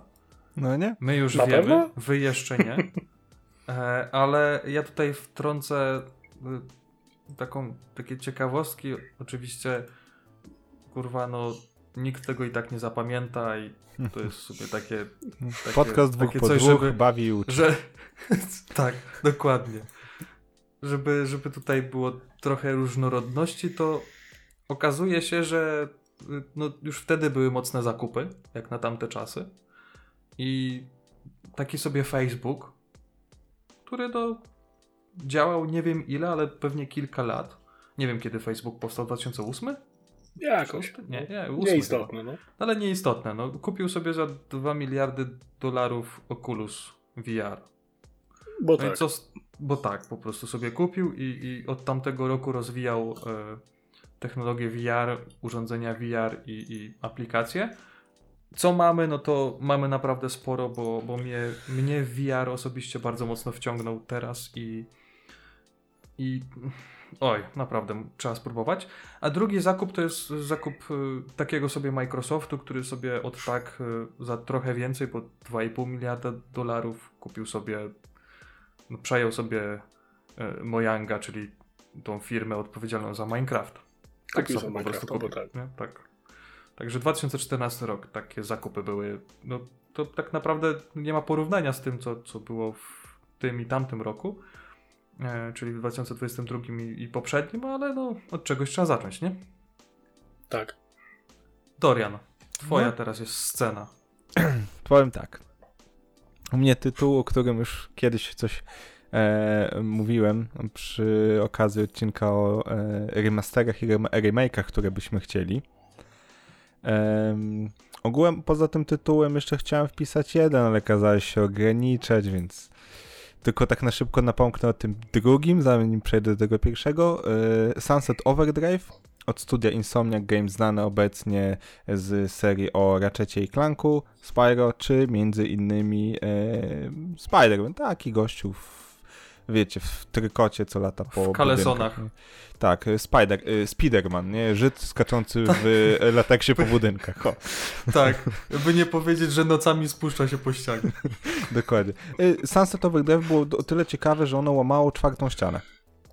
Główny bohater potrafił się wyku- wykłócać z narratorem, gdy narrator mówił wciśnij przycisk, żeby coś. Główny bohater się tak odwracał, patrzył w górę i mówił, jaki kurwa przycisk? I kurwa nie jest przypadkiem, bo tam dosłownie leciały bluzgi w języku polskim, bo to był pełny polski dubbing. I to, był, to jest akurat ekskluzyw na Xboxa, mm, ale z tego, y, y, co kiedyś tam czytałem, y, Sony wykupiło Insomniac, więc prawdopodobnie Sunset Overdrive również się kiedyś pewnie na PlayStation pojawi i pewnie... Nie, na PC tak już jest. No, to tyle. A ta pierwsza gra i ta główna to będzie South Park Kijek Prawdy. Powiem szczerze, że przy tej grze tak się ubawiłem. To jest tak świetne, mm, y, e, jakby to powiedzieć, no tak świetna ilość czarnego humoru i, i tak jak już mówiłem właśnie w tamtym wcześniejszym odcinku o remasterach i remake'ach, e, no tutaj poziom trudności zależy od koloru skóry, jaki sobie tak ustawimy. Im ciemniejszy, tym jest trudniej. Mamy, y, wiadomo, klasy postaci typu tam wojownik, czarodziej, Żyd. kurde. To jest, to jest kwintesencja po prostu South Parku Tak, w grze, tak. nie? Ale To jest- uwierz, wyobraź sobie, grasz, mm, no ustawiasz sobie najwyższy poziom trudności, czyli jesteś czarny, e, czarnoskóry, przepraszam, e, i grasz Żydem. No, czego chcieć więcej? I tak, Tak. nieważne jakie imię wy, wybierzesz, i tak e, ciebie e, będą nazywać duszbak. Tam chyba przetłumaczyli to jako dupek, albo przydupa, dureń, To jakoś, nie pamiętam. Bardzo, bardzo często określenia douchebag używał Lucifer e, w serialu, Tak. także to... A, To Douche, charakter- tak? Detective Menda. Tak. A może Tak, i to akurat. Menda Komenda było też przy- faktycznie może przetłumaczone. Nie pamiętam, ale przy grze bawiłem się świetnie. Szczególnie te poziomy, kiedy. E, te momenty w grze, kiedy pojawiali się kosmici. To kurwa Znaczy, to gra jest mocno 18+, jeżeli chodzi o niektóre rzeczy, szczególnie, że w wersjach e, chyba, w Europie chyba była cenzurowana, z tego co pamiętam. E, W każdym razie, o ile Nie, nie w Europie, chyba tylko w gdzieś Australii. było, w Australii mogło być W Australii mają tak. strasznie y, ból dupy o to, tak. E, Generalnie, jeżeli chodzi o ekranizację gier, to nie wychodzi, ale egranizacja South Parku wyszła po prostu. Dokładnie. W No. drugą część nie gram, ale podobno też trzyma poziom. Tak. Fractured Butthole. To, to jest. W tyłku akcji po polsku. Tak, Co- nie, ale nie, to, to wam, jest że- nie, nieprze, nieprzetłumaczalne, ale Tak, tak, nieprzetłumaczalne, ale z tym im się tak cholera udało. tak, To jest pęknięte, ale naprawdę całe, jakiś, jakiś, jakaś, jakiś web po prostu y, od, od y, polonizacji po prostu nad tym siedział i tak jest trafne, że chyba nie ma innego takiego tłumaczenia jak to. Chyba- To chyba jest nie. takie, nie, nie, nie. mm, aż po prostu, aż po prostu kijek lizać, no. Fu. Fuj. No tak, ale tutaj im się udało, tak? Fra- Fracture Butthole w tyłku akcji, tak? No, świetne, świetne. Okej, to co, 2015? Y, Ja chcę, ja chcę. Ja chcę, ja chcę. Ja chcę. Nie, Ja bo wy pierwszy. macie podobne. Dobra, no to... To, wy, to wy razem będziecie mówić. to Okej, dobra. Jak no, Vegetego ku pofuzy. pofuzy. Skoro jesteś gościem. No to- dobra, Dorian zaczął. Dobra, szybka sprawa. Y, Po raz y, kolejny Assassin's Creed, tym razem Syndicate. I dlaczego akurat Syndicate jest dla Ależ mnie... ty jesteś monotematyczny, może znowu jakiś Assassin's Creed. No nie. Boże. Dlaczego jest dla mnie najlepszy... Jeszcze jeden będzie, Boże. ale, ale to wiesz, jak dojdziemy do tamtego, to też coś powiem. E, Syndicate, dlaczego Syndicate? Prosta rzecz, wiktoriańska Anglia. Ja uwielbiam tamtą epokę. E, każdy serial w tym klimacie, każda gra, ja w ciemno. Peaky Blinders co prawda jeszcze nie oglądałem, ale Syndicate'a polecam, choćby ze względu na to, że mm, jest trochę wyczuwalny klimat dzikiego zachodu, bo są jakieś tam rewolwery, ale jest to fajne pokazanie tego, jak asasyni mogliby właśnie działać e, w XIX-wiecznej, liczę? Tak, XIX-wiecznej Anglii. Mm, Możesz mieć y, ostrze ukryte za pazuchą, albo mieć yy, taką specjalną laskę z ostrzem wyciąganym, tak? Świetna, świetna, świetny naprawdę pomysł. Yy, jedyne co to czyli zepsuło, laskę z wyciąganym ostrzem, czyli bajonetę. coś tym stylu. I też nie, ona częściej strzela, nie? Yy, brakowało No, tego. Bardziej Blood Rain. To tak bardziej pasuje. No tak. Laska No z tak. ostrzem. I co jeszcze? Jedna rzecz tylko zepsuła grę, yy, bat wciągarka. tak, jest tam wciągarka, bo pewnym, przez pewien etap musisz się wspinać na wszystko, a potem już nie musisz, wyciągasz bat wciągarkę, strzelasz i ciebie wciąga na Big Bena. No to ładnie. Nic No, nie ale- jest idealne. Dlaczego uważam, że to była znaczy, gra najlepsza? Ona też wyciskała sporo z ówczesnego e, sprzętu, jeśli chodzi o konsolę. Ładnie odzorywała mimikę twarzy, jak na e, Unreal Engine. Chyba wtedy czwórka, tak? Czwórka, dobrze? Jeśli źle mówię, to mnie poprawcie. Szale, szale niemożliwe. To jest już ten tytuł z serii Assassin's Creed, którego nie ogrywałem. I ta część jest lepiej zrobiona niż zabugowane Unity. No i o, widzisz, Unity to było to, czego mi brakowało. A, nie wiedziałem, która część to jeszcze było, to było? nieszczęście, że mieli oczy na wierzchu. Tak, Unity. I w Assassin's Creed Syndicate jest jeszcze etap, w którym jest pokazany okres I wojny światowej. Mhm. Młody Winston, Winston Churchill. Co tu chcieć więcej? Ja nie grałem, więc się nie wypowiem. Polecam. No, to mogę ja teraz? E, jeżeli No, chodzi o śmiało. absolutnego faworyta roku 2015, to jest Wiedźmin 3, dziękuję. Więcej nie trzeba chyba nawet mówić. Nie powiem więcej, nie trzeba. E, to ja dopowiem. U mnie też jest Wiedźmin 3, ale wiedziałem, że Adam będzie miał Wiedźmina 3. Więc wrzuciłem też Dying Light. A dlatego, że e, aktualnie mam e, rozbebeszone Dying Light na konsoli. E, wszyscy zagrywają się w dwójkę. Ja stwierdziłem, że zagram najpierw w jedynkę, bo nie grałem wcześniej. E, Gra się bardzo dobrze. Nadal ta gra, e, polska gra, to też jest ważne, wygląda fenomenalnie. I czasami naprawdę mam wrażenie, że ona wygląda za dobrze, bo y, nieraz jak się idzie w dzień i cię słońce gdzieś za jakichś y, krzaków y, trafi promieniami, to, to naprawdę idzie oślepnąć. A powiedz, jak ci się misje nocne podobają? Y, Nie wiem, bo zamykam oczy i po prostu biegiem przez te chaszcze, przez wszystkie te budynki, albo skaczę po dachach i tyle, nie? To, to naprawdę. Tam, tam naprawdę jest w nocy zajebiście to zrobione, że e, ty naprawdę się boisz grając w Tak. tą grę, że, że gdzieś tam Bardzo coś cię tak. złapie, gdzieś tam ten, gdzie, gdzieś stracisz y, trochę, e, trochę życia i, i tak dalej. Dlatego no, jedyna opcja jest taka, żeby po prostu sk- skakać jak najbardziej po dachach. E, i, I co? No wracając jeszcze trochę do Wiedźmina trójki. E, dlaczego tego nie wybrałem? No tak już bardziej poważnie. No bo to by było chyba za bardzo oczywiste.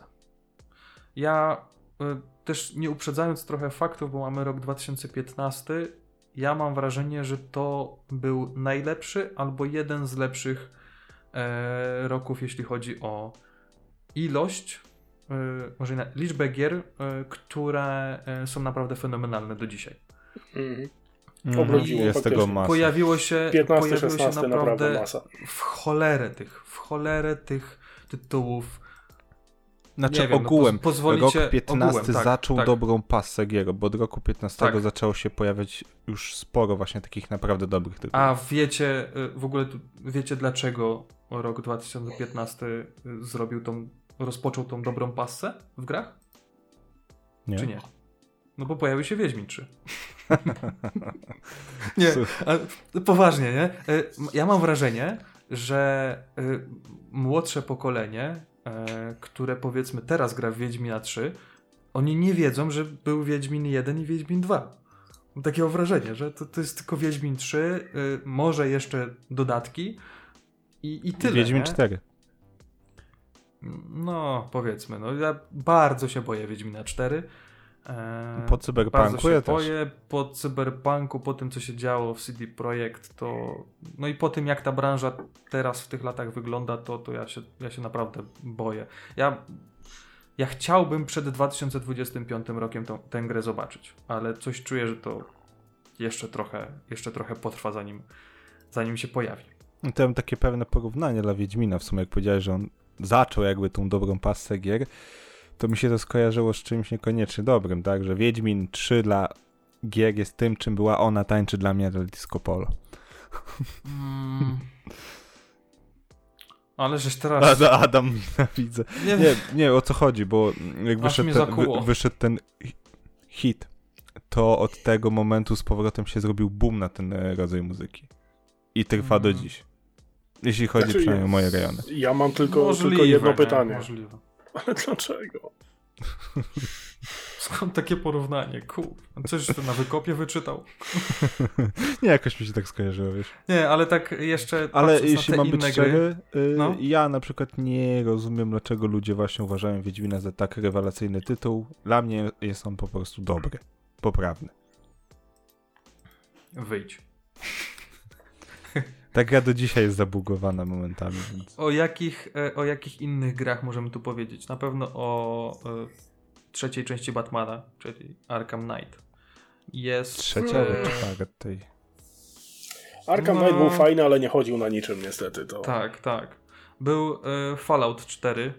Bloodborne. Mówcie co chcecie. Był. Był Bloodborne, jak ktoś rzeczywiście lubi y, te, Soulsówki. Soulsówki dokładnie. Mad Max. Souls-like. E, Mad Max był Mad fajny. Max mo, był, był spoko. No. Projekt Cars, jak ktoś całą naprawdę realistyczną, fajną, dużą y, e, ścigałkę. E, Need for Speed. E, No Też okej, też, wyszedł. można tutaj zaliczyć. E, the Rise of the Tomb Raider, o którym już wspomnieliśmy. I jedna gra, którą ja mam na Switchu w wersji pudełkowej, to jest Ori and the Blind Forest. Słyszałem, że świetny tytuł właśnie. Przepiękna, po prostu można zrobić e, takie trochę e, jakby to powiedzieć, no platformówkę, która jest po prostu fenomenalna, jeśli chodzi o oprawę, e, oprawę graficzną przede wszystkim. Także tutaj naprawdę mocny rok i, i nie wiem, czy w kolejnych latach będzie lepiej. Być może będzie porównywalnie, ale tu naprawdę jest mnóstwo tytułów, które, które pamiętamy do dzisiaj. No, Znaczy, wiesz co, jeśli- jeszcze spojrzałem tylko jeszcze jeden tytuł. y, The Order... Mm, gra The Order e, 1886. E, gierka ogółem mocno niedoceniona, bo gra wyglądała przecie- przepięknie. Ona wyciągnęła z y, sprzętu PlayStation i z tego y, silnika co się tylko dało. Ona wyglądała naprawdę rewelacyjnie. Tylko. Mam wrażenie, że PlayStation 4 to się unosiło po prostu nad blatem. E, możliwe, ale ja miałem akurat Pro, jak to odpalałem, więc się nie unosiło. Nie miałem poduszkowca. E, co było bolączką i od razu gwoździem do całej możliwej ewentualnej kontynuacji dla tej gry. Kosztowała 270 zł w dniu premiery. Gra. Tanioszka, coś ty, przy dzisiejszych Czekaj, cenach? ale czekaj, nie dokończyłem. Gra była, jak rozciągnąłeś fabułę na 7 godzin. Nie śpiesząc Order? się. Tak, nie śpiesząc się, masz grę w Tak. 7 godzin zrobioną. Tak, i jeszcze jedna rzecz, o której mało kto wspomina. W środku gry walczysz z bossem, którego musisz pokonać wykonując konkretną sekwencję ruchów. Ostatnia walka w grze to też walka z bossem, która jest dokładnie, dokładnie piksel w piksel kopią tej wcześniejszej. Fantastycznie. Znaczy, gra miała chyba, nie wiem, być pokazem tego, co potrafi silnik i konsola, tak? I no, pokazało, tylko no sorry, płacić 200, sie- prawie 300 zł za 7 godzin gry? Mm-mm. Ja tą grę Słuchaj. kupiłem za dwie dychy i to była dobra cena. Gratis to jest najlepsza cena możliwa dla tego tytułu. Ja osobiście nie polecam. Znaczy, jestem trochę oburzony, panowie, bo jak Za wymienialiście darmo te to tytuły... uczciwa cena. Tak, jak wymienialiście tytuły z 2015 roku, żaden nie powiedział Kerbal Space Program. Co? Żaden Co? z was nie powiedział Kerbal Space Program w Nie znam. 2015. Wyjdź. O co ci nie, chodzi teraz? Po, poddaję się. Kerbala nie znają, no co. No Dobra, dobra, to, dobra. to, w- zapłacicie mi za to. A, dobra, Jesteście- z- patrzę, to kojarzę, ale nie, nie grałem. A wiecie, jaki system operacyjny miał premierę w tym roku? Windows 7? Nie no, to Nie, no 10. 10 dokładnie. Dziesiątka? Brawo. O. Wygrałe, wygrałeś Adam nic. A wyda- Jej. wydałeś aktualizację do 11. Inaczej. W, wygrałeś prawo e, pierwogłosu w roku 2016, ale ja jeszcze tutaj dopowiem, że twoje ulubione studio e, BioWare w Mhm. 2015 roku świętowało dwudziestolecie, więc y, też okrągła okrągła liczba, jeśli chodzi o, o działanie. No dobra. 2016 rok. Ja mam pierwogłos, tak? No jak, w- słuchaj, wygrałeś, no to No śmiało. dobra. Znaczy, gra jest szalenie niesprawiedliwa. E, gra nazywa się XCOM 2. Jest to kontynuacja e, XCOMu. Nie ma to czyli, nic e, wspólnego z siecią sklepów. Nie, nie, nie, absolutnie. XCOM lubimy. XCOM to jest pisane przez C, więc to nie jest ten sam XCOM. E, przylecieli sobie obcy i musimy ich pokonać. Robimy to przy użyciu własnej, budowanej przez siebie armii. Na każdą misję zabieramy naszych ludzi, których sami szkolimy, sami ubieramy, sami nazywamy, e, którzy mają swoje statystyki przechodzące z misji do misji, którzy się rozwijają z misji na misję. I no i niestety jak polegną, no to już bezpowrotnie.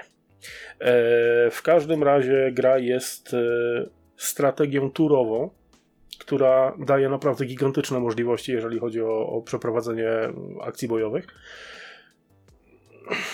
Kontynuacja, reboot serii z e, lat 90. Polecam bardzo mocno. No ciężko, ciężko mówić cokolwiek na temat tego tytułu i żeby nie zdradzić też e, sekretów fabularnych. W każdym razie wcielamy się w dowódcę e, organizacji XCOM i musimy pokonać niemiluchów przy użyciu naszych, naszych ludzi, gdzie bardzo boli stracenie każdego z nich. Dlaczego gra jest niesprawiedliwa? Jest niesprawiedliwa dlatego, że e, w wielu przypadkach, znaczy w wielu przypadkach, w każdym przypadku mamy procentowe obliczenie z jaką celnością trafiamy w konkretnego przeciwnika. Przykładowo, mamy naszego ludzia schowanego za osłoną, mamy trzech ufolutków do odstrzelenia.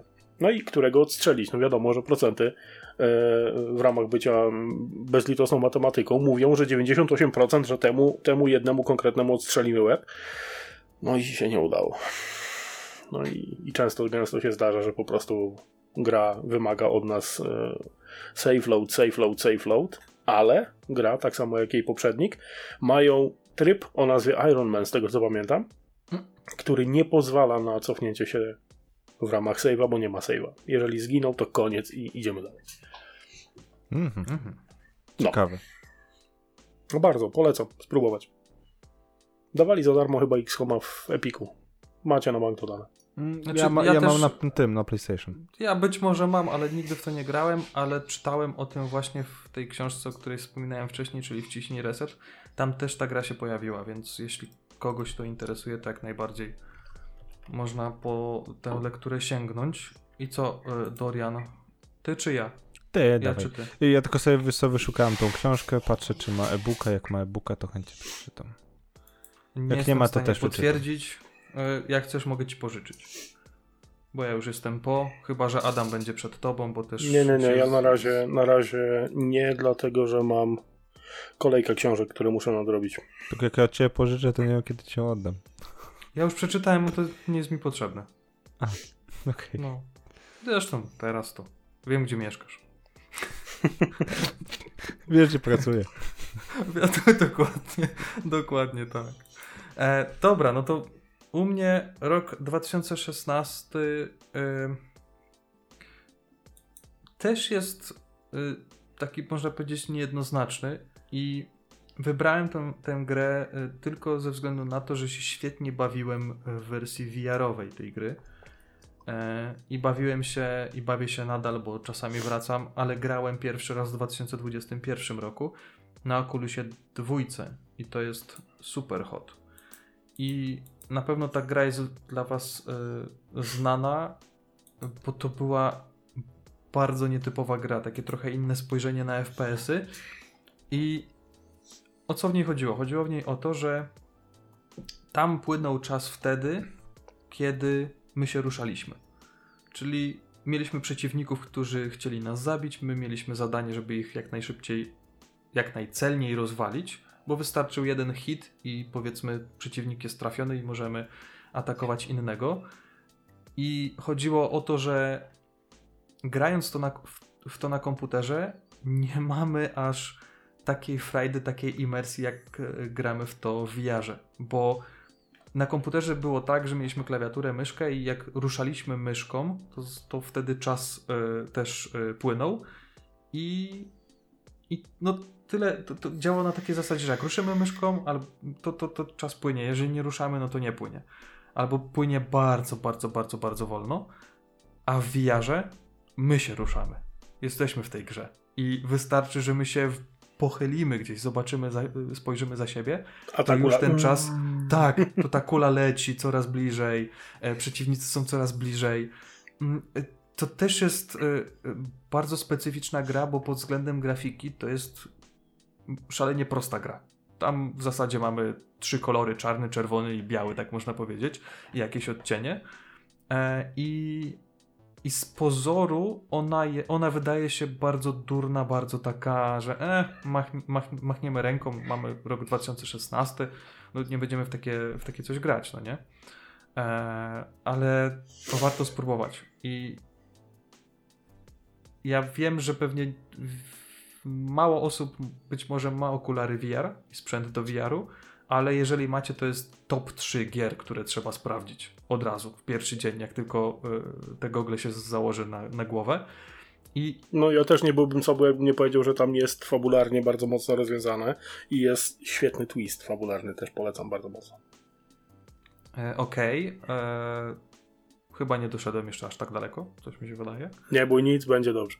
E, tak, e, ale naprawdę po kilku chwilach spędzonych w tej grze to człowiek jest po prostu mokry i, i, i trzeba naprawdę dużo miejsca w, w, w przestrzeni, żeby, żeby swobodnie w to grać.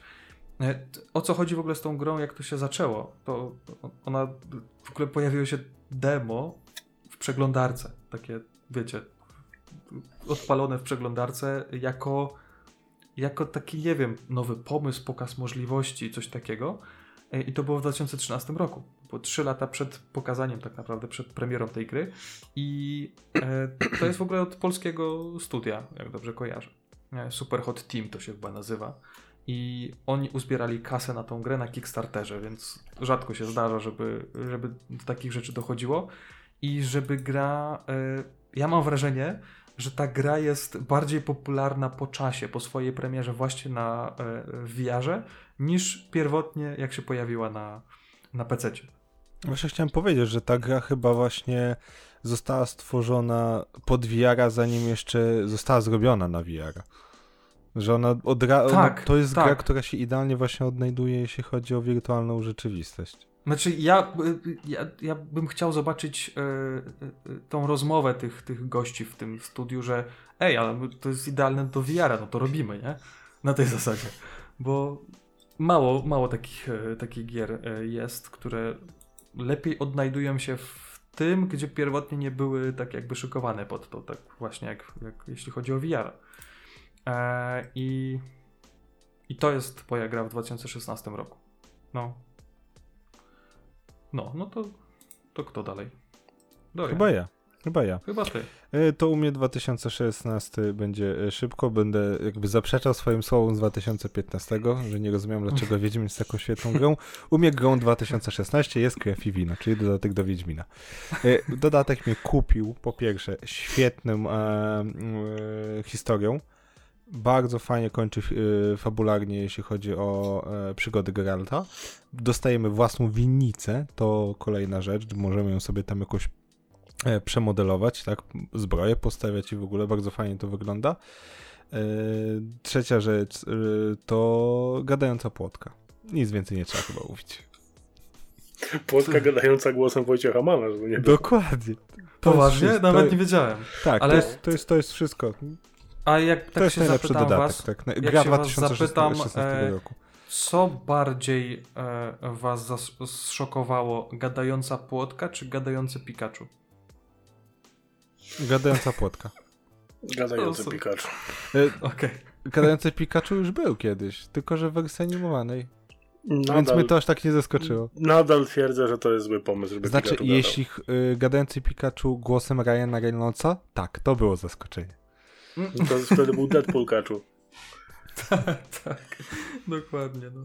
No, to tyle, jeśli chodzi o 2016 rok. Bo szczerze, tak nawet jakbym sobie na szybko pewnie przejrzał, to nic pewnie jakoś innego mocno nie przykułoby mojej e, W 2016? Uwagi.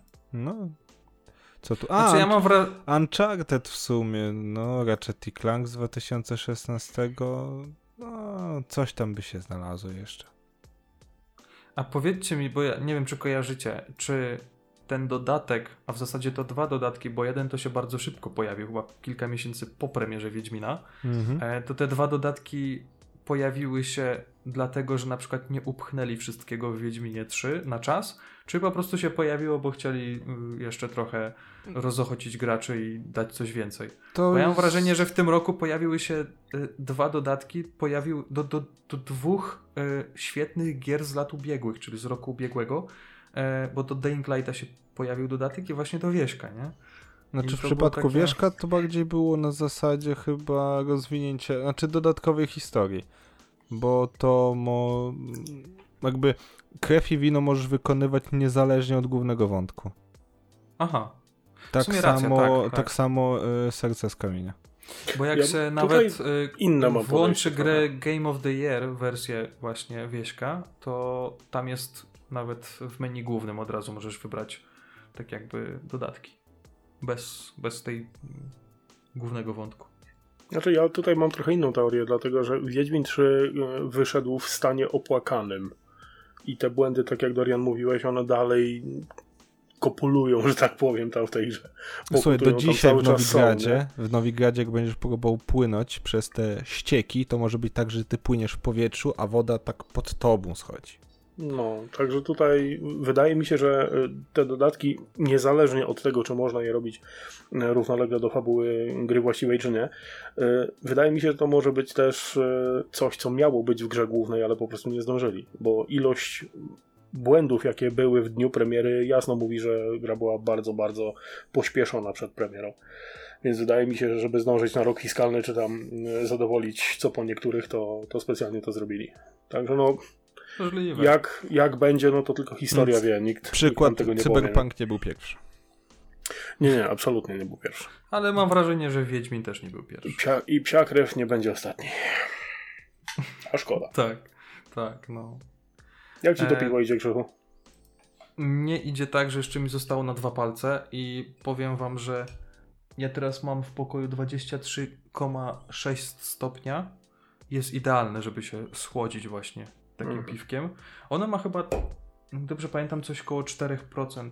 4,2, 4,3, 4,2 alkoholu i naprawdę jest dobre. Ja, ja odpalam browara 2.0. Obijacie się. Bardzo proszę, bardzo Ktoś proszę. Ja, ja, jedyne, jedyne podsumowanie, jakie mogę dać, tak powiedzmy w, w dwóch trzecich odcinka, to mogę powiedzieć, że panie Robercie, Dziękuję. Naprawdę się udało. Naprawdę. Jeśli Może kiedyś cenę, odsłucha jest... tego odcinka. Tak, to jest jakieś w okolicach 4,50, 4,60 chyba. Ostatnio płaciłem tyle za to piwo. Mm, dobra, rok 2017 mm, też, też był wysyp świetnych produktów. Krzechu, ty zacznij, bo tu masz coś takiego A, przepraszam, przepraszam. 2016, ciekawostkę chciałem powiedzieć, zapomniałem. Mhm. Targi tak. E3, wtedy pokazano jedne z najlepszych tytułów, które potem w ciągu najbliższych 3-4 lat zaczęły wychodzić. Mhm. Pokazano w 2016 masę, masę tytułów, z czego e, dwa będą omówione przeze mnie. Tyle. Okej, okay. E, to ja dorzucę do tej wiedzy bezuż bezużytecznej jeszcze dwie rzeczy. Koniec produkcji Xboxa 360 po 11 Cześć. latach. Cześć jego pamięci. Tak. I to, że y, takie trzy marki jak kompletnie nieznane marki, jak Pokémony, jak Resident Evil i Tomb Raider świętowały dwudziestolecie. Dziękuję. Koniec wiedzy bez, bezużytecznej. Przechodzimy dalej. I mówisz, Adam, że ja mam zacząć. No tak, bo to masz takie nietypowe coś. Ja mam nietypowe coś ze względu na to, że nie wiedziałem, co wybrać. Hmm. to wiele wyjaśnia. Nie, naprawdę. E, rok 2017 to jest rok e, przede wszystkim gier na Nintendo Switch. Ale to nie będzie gra na Nintendo Switch wcale. Ja tutaj tylko tak e, e, mówię ze względu na to, że praktycznie każdy tytuł z 2017 roku, który pojawił się na Switcha, jest tytułem, e, który po, pojawia się w topce.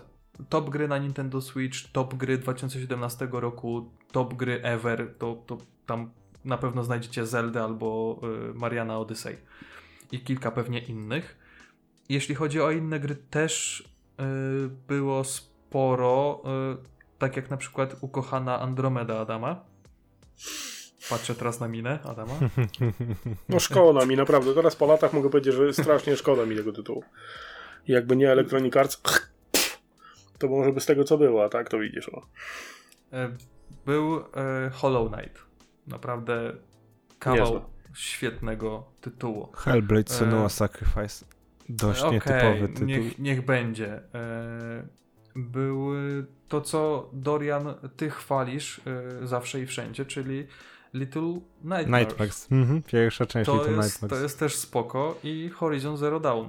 E, Horizon Zero Dawn nie, nie, nie jest u mnie na jako gra 2017 ze względu na to, że ona była grywalna bardzo w pełni grywalna po 6 miesiącach od premiery, bo wtedy już faktycznie nie miała żadnych denerwujących błędów.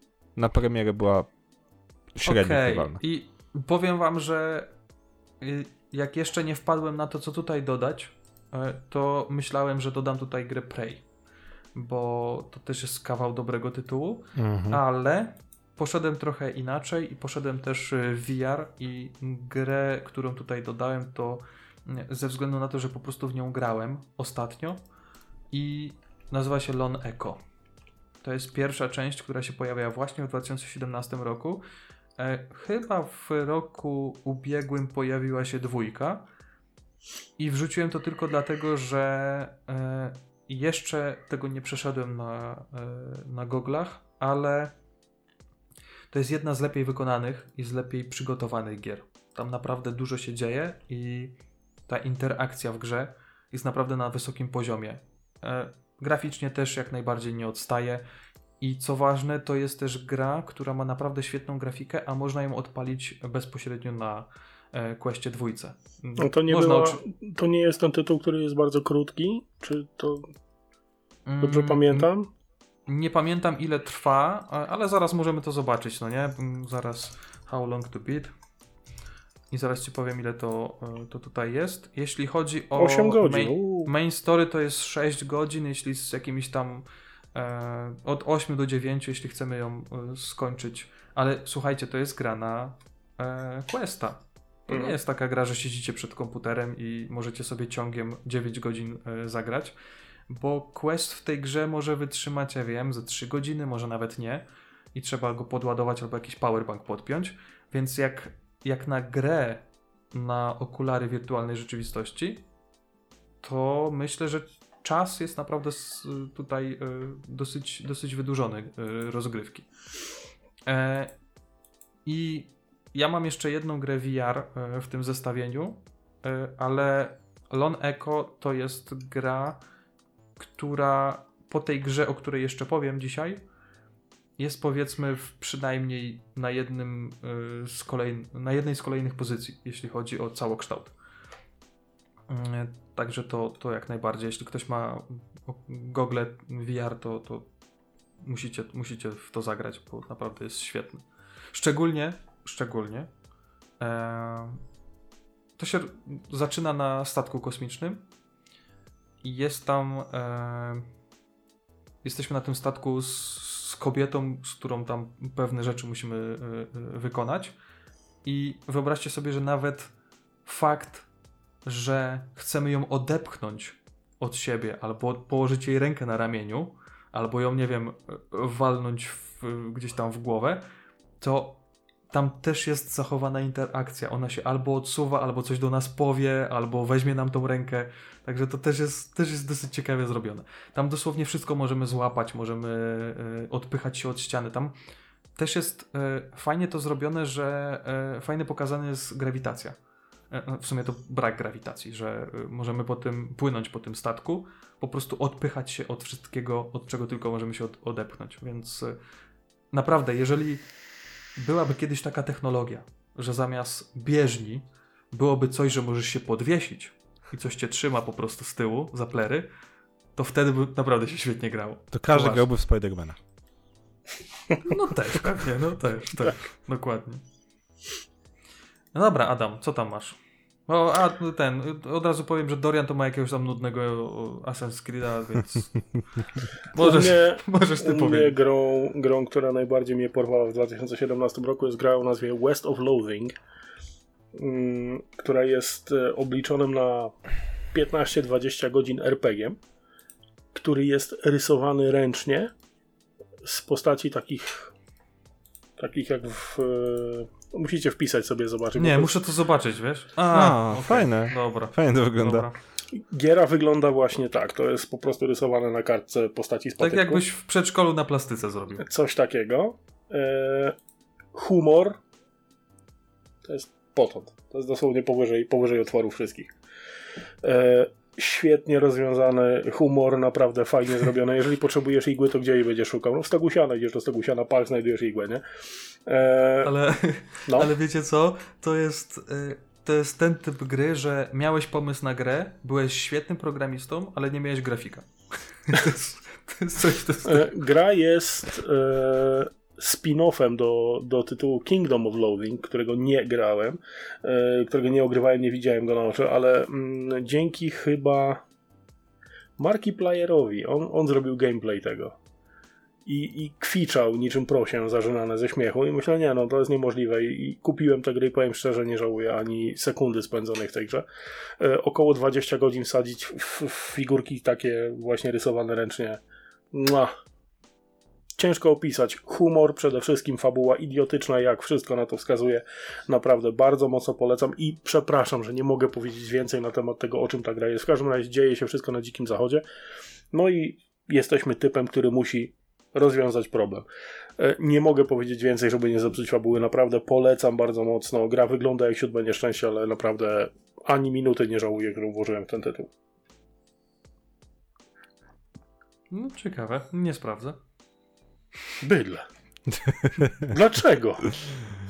A czego się spodziewałeś? Siedzi teraz na telefonie, zamiast się skupić.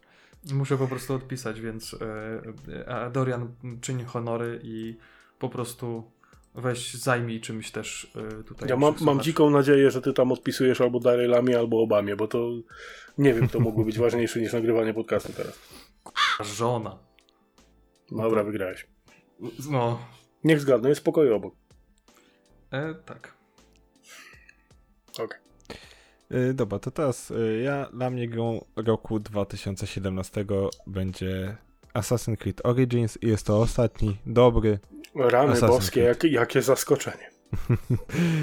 Yy, dlaczego dlaczego yy, jest to dla mnie gra roku i dlaczego jest to ostatni dobry Assassin's Creed? Po, po, po prostu Odyssey i Valhalla to było takie gówno i że nawet kijem tego nie warto tykać. Fakt, że przeszedłem, bo przeszedłem, żeby mieć po prostu czystość sumienia, że mogę nazwać to gównem. A tam Jeśli- gadasz głupoty, naoglądałeś się bajek, chłe, chłe. Jeśli chodzi o Originsa, tak? E, Po pierwsze, setting. Mm, Starożytny Egipt to też nie do końca aż tak bardzo starożytny, jak myśl, każdy na początku myślał. To jest po prostu z, schyłek yy, władzy Juliusza Cezara, tak? Z tym mniej więcej tam 40 rok, 44, 50 rok przed naszą erą, coś takiego, tak? E, bardzo fajnie mm, prosperujący no, nowy główny bohater, charyzmatyczny, z nadzieją na to, że dostanie kolejne części, no, godny następca Ezio. E, gra faktycznie była mm, wzorowana mocno na Wiedźminie Trójce. Mm, Dużo elementów RPG, levelowanie, zmieniony w ogóle silnik graficzny, sposób, sposób rozgrywki względem poprzednich części. E, I jest to jedyna gra, którą mam w wersji kolekcjonerskiej z figurką. Bo stwierdziłem, że a się raz szarpnę. No proszę. Wykorzystując dużo, dużo kodów rabatowych, wyszło mi, że zapłaciłem za to 300. A, a figurka jak wygląda? Kiedyś ci może pokażę, jak mi przypomnisz. Znaczy, jak dasz mi chwilę, ja ci zaraz ją znajdę. Ona tam tutaj nie, dosłownie nie, za, mną, za mną w szafie jest, tak? Tylko jest poklejona. Znaczy, nie widać, że jest poklejona, ale jest poklejona, bo mi kot, kot ją rozwalił. Ale w A, każdym... to ta figurka. Tak, to jest ta figurka. Tak, i Mhm. tutaj Assassin's Creed był o tyle dobry, bo wszystko było fajnie płynnie zrobione, 30 klatek na sekundę, e, były cutscenki, widać, że mm, nie były na silniku jakby gry, tylko jakby dział, znaczy było na silniku gry, ale te cutscenki były inaczej robione mm, niż jak to wyglądało na przykład w trakcie gry, z kolei na przykład w Odyssey jakby się uwstecznili. Mhm. No więc Mhm. to jest ostatni dobry Assassin. E, mieli potencjał, żeby zrobić z tego trylogię o właśnie Bajeku, czyli tym asasynie, który tak naprawdę dopiero zakłada zakon e, asasynów, ale skopali. Okej, dobra, no to patrząc na to, że wy macie te same gry, tą, tę samą grę, to pozwólcie, że ja zacznę. Jasne. Dziękuję. E, Rok 2018. Już Oj, tu było do tych- grubo, tu było grubo. Było grubo, owszem, było grubo, ale nadal uważam, że 17 jest trochę lepiej. E, U mnie pojawił się e, Dragon Ball Fighters. Dlaczego się pojawił Dragon Ball Fighters? Pojawił się dlatego, że ja nigdy nie miałem tak dobrej bijatyki w świecie Dragon Balla jak to. E, nigdy nie grałem w lepszą bijatykę, e, tak dynamiczną i tak powiedzmy, że stabilną, dobrą. Jakby, nie, jakby tego nie nazwać, to naprawdę to była świetna gra. E, dlaczego? Bo za czasów e, PlayStation 2 i za czasów, e, gdy się jeszcze e, takim nieopierzonym nastolatkiem było, to trzeba było chodzić do swoich kumpli, którzy grali na przykład w różnego rodzaju y, budokaje i inne e, Mugeny. Mugeny, tak. No, Mugen to wiadomo, to jest, to jest, to jest y, klasyk. Ale, ale jeśli chodzi o to, to nigdy nie było y, takie jakby czegoś na wzór Budokaja e, na innych platformach niż PlayStation. Mhm. Wtedy było PlayStation 2. E, to jest nadal świetna konsola i jest mnóstwo świetnych tytułów na, na tę konsolę. Ale e, zawsze miałem taki niedosyt, że cholera, no nie mogę sobie pograć w Dragon Balla, bo zawsze najlepsza część była na PlayStation. I wychodziło tego mnóstwo części. Mnóstwo części y, jest. No, I ten Kaichi już Budokai wtedy- wyszło faktycznie. Paręnaście. I, I już wtedy. Pa- Znaczy parę. był Budokai były- i Budokai Tenkaichi, to już Mhm. jakby inne serie To były. już, tak, tak. I zawsze to było na konsoli. Zawsze było, tr- trzeba było pójść do tego kumpla, y, po prostu postawić mu kubusia i pograć sobie w, w użyczyć pada. Kubuś. Tak. I, i, i, i, trochę z nim sobie pograć, więc y, no, ten, kto miał PlayStation 2 i miał y, coś y, z Dragon Balla, to nie miał ze mną łatwo, że tak powiem. A najfajniejsze było Dragon Ball Sagas. E, To ogółem e, mało, mało znana część. E, W, w tej akurat odsłonie mogłeś normalnie całą drogę wężową przebiec. No widzisz, to nawet tego nie, nie, Mało popularne, nie, wiedziałem. nie wiem dlaczego, ale... ale... Normalne, dlaczego nie wiedziałem, bo po prostu nie miałem konsoli. A przeszedłeś w końcu Dragon Ball Z Kakarot? Nie, nie przeszedłem. A, E, okej. Bardzo się wkurzyłem, bo ta gra miała jakaś rzeczywiście błąd, e, co nie pozwalało mi przejść dalej. Ty na Switcha masz, nie? Na Switcha i chyba na PC też mam. Ale masz Mam le- z legalnego źródła? Oczywiście. A, to nie wiem. E, Ja w dzisiejszych czasach korzystanie z nielegalnych źródeł to jest głupota według mnie, bo już mamy takie możliwości, że e, naprawdę. Ale to też pewnie temat e, na osobny odcinek. E, no, co ja mogę więcej powiedzieć? No to był naprawdę mocny rok, bo e, pojawiło się takie gówno jak PlayStation Classic. Nie wiem, czy kojarzycie. Pamiętam. miniaturowa wersja PSX-a, taka z dwudziestoma kilkoma grami, która w 3 minuty po premierze została złamana i, i można było odpalić wszystko i która potem kosztowała chyba 69 zł na jakichś promocjach, a startowała za 400? Mm, 500? 3,5. 3,5. 3,5? A, no to Mhm. dobra, trochę, No, trochę przesadziłem. 429 kosztowało jak sprzedawałem. Kurna, jak coś takiego można było zrobić naprawdę? Ale teraz się cena już ustatkowała, teraz już się nie da tak łatwo dostać w jakichś rozsądnych pieniądzach. Mhm. A naprawdę był taki okres, że poniżej stówy można było spokojnie to kupić i każdy robił takie oczy i patrzył na tych durni, co kupili za 350, nie? Dlatego y, dziwię się, dlaczego ta Amiga A500 Mini trzyma tak bardzo cenę. A bo ona jeszcze niedawno nie- się pojawiła. Ale tak samo było z klasikiem. To też się pojawiła po kilku miesiącach, było po prostu zaoranie tematu. Może, może bardziej chodzi o to, że Classic był dosłownie zrobiony na kolanie, na, na odpierdol się, a Amiga jest zrobiona może trochę lepiej. Kto wie? E, Być może, być może, no, ale, ale, no, dobrze, że nie mam wolnych 500 zł. No. No dobra, no to mówcie o tym Spider-Manie, bo tu przecież... Nie, to ja, ja, ja się nie będę Trzeba- odzywał. Dorian trzeba jest dużo bardziej przygotowany. Okej, dobra, no to Spider-Man, co tu więcej mówić, to naprawdę był rewelacyjny tytuł i to też było zrobione przez Insomniac Games, czyli ci od Ratcheta. Najbardziej chyba znani z Ratcheta i ze Spyro. Co tu więcej powiedzieć? Rewelacyjnie zrobiony system poruszania się po mieście. Mm, polski dubbing, no całkiem nieźle, a niestety nie dało się go zmienić na angielski, więc trzeba było słuchać po polsku. A No czemu? nie wiem, no, no to zajebisty tytuł, nie grałeś, zagraj, no proste, nie masz PS5, nie masz PS4, PS5, idź kup i zagraj. Co tu ci więcej będę mówił, to... Gra, gra Mhm. roku, ona chyba nawet zgarnęła kilka nagród właśnie, jeśli chodzi o I to. Nie, bardzo- dobra, ale bardzo mnie bardzo, Yy, bardzo ja to interesuje, dzisiaj- dlaczego, dlaczego nie można było zmienić tej wersji językowej. Y... Wiesz co, w niektórych grach od Bo jak Sony... dla mnie to jest dziwne. To tak To jakbyś jest. miał na przykład, nie wiem, uruchomiłbyś sobie jakiś film na Amazonie i mógłbyś go e, oglądać tylko po niemiecku z japońskimi napisami. Coś w tym stylu. E, Tylko po polsku, tylko polskie napisy, tylko polski e, dubbing. Dało się zmienić na angielski, ale musiałeś zmienić w ustawieniach konsoli wszystko na angielski. E, A, czyli- ale aha. z kolei z wersji zremasterowanej tej gry, tak, ta gra dostała po dwóch latach, czy tam trzech e, remaster na PS5. Już można sobie to ustawić. Mm, ja grę przeszedłem chyba ze 4-5 razy. Jest tak świetny tytuł. Ja pamiętam, że jak ja go skończyłem, miałem tej gry niedosyt, dosłownie niedosyt. Chciało mi się więcej tego Spidermana. Więc jak wychodziły dodatki, to od razu dodatek za dodatkiem. I wyczekuję drugiej części. Naprawdę wyczekuję, bo to może być yy, lepsze niż to, co było wtedy.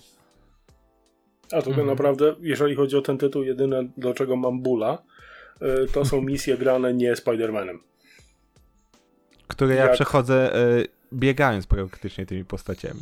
Dokładnie, nie, nie, nie, nie. po prostu nie. I powiem szczerze, nie dokończyłem Spider-Man tylko przez to, że mam grać tą cholerną Mary Jane niewyleżoną. Musimy się dogadać wreszcie, Dorian, bo już od roku czasu się zbieramy, żeby to... Ja Ja, chcę, żeby Dorian przeszedł mi ten fragment, ja sobie poradzę dalej. A, a na szczęście na, na PlayStation jest taka opcja. Jest możliwość No. przekazania e, jakby pada dla drugiego gracza, tak, który jest nawet kilkadziesiąt kilometrów dalej.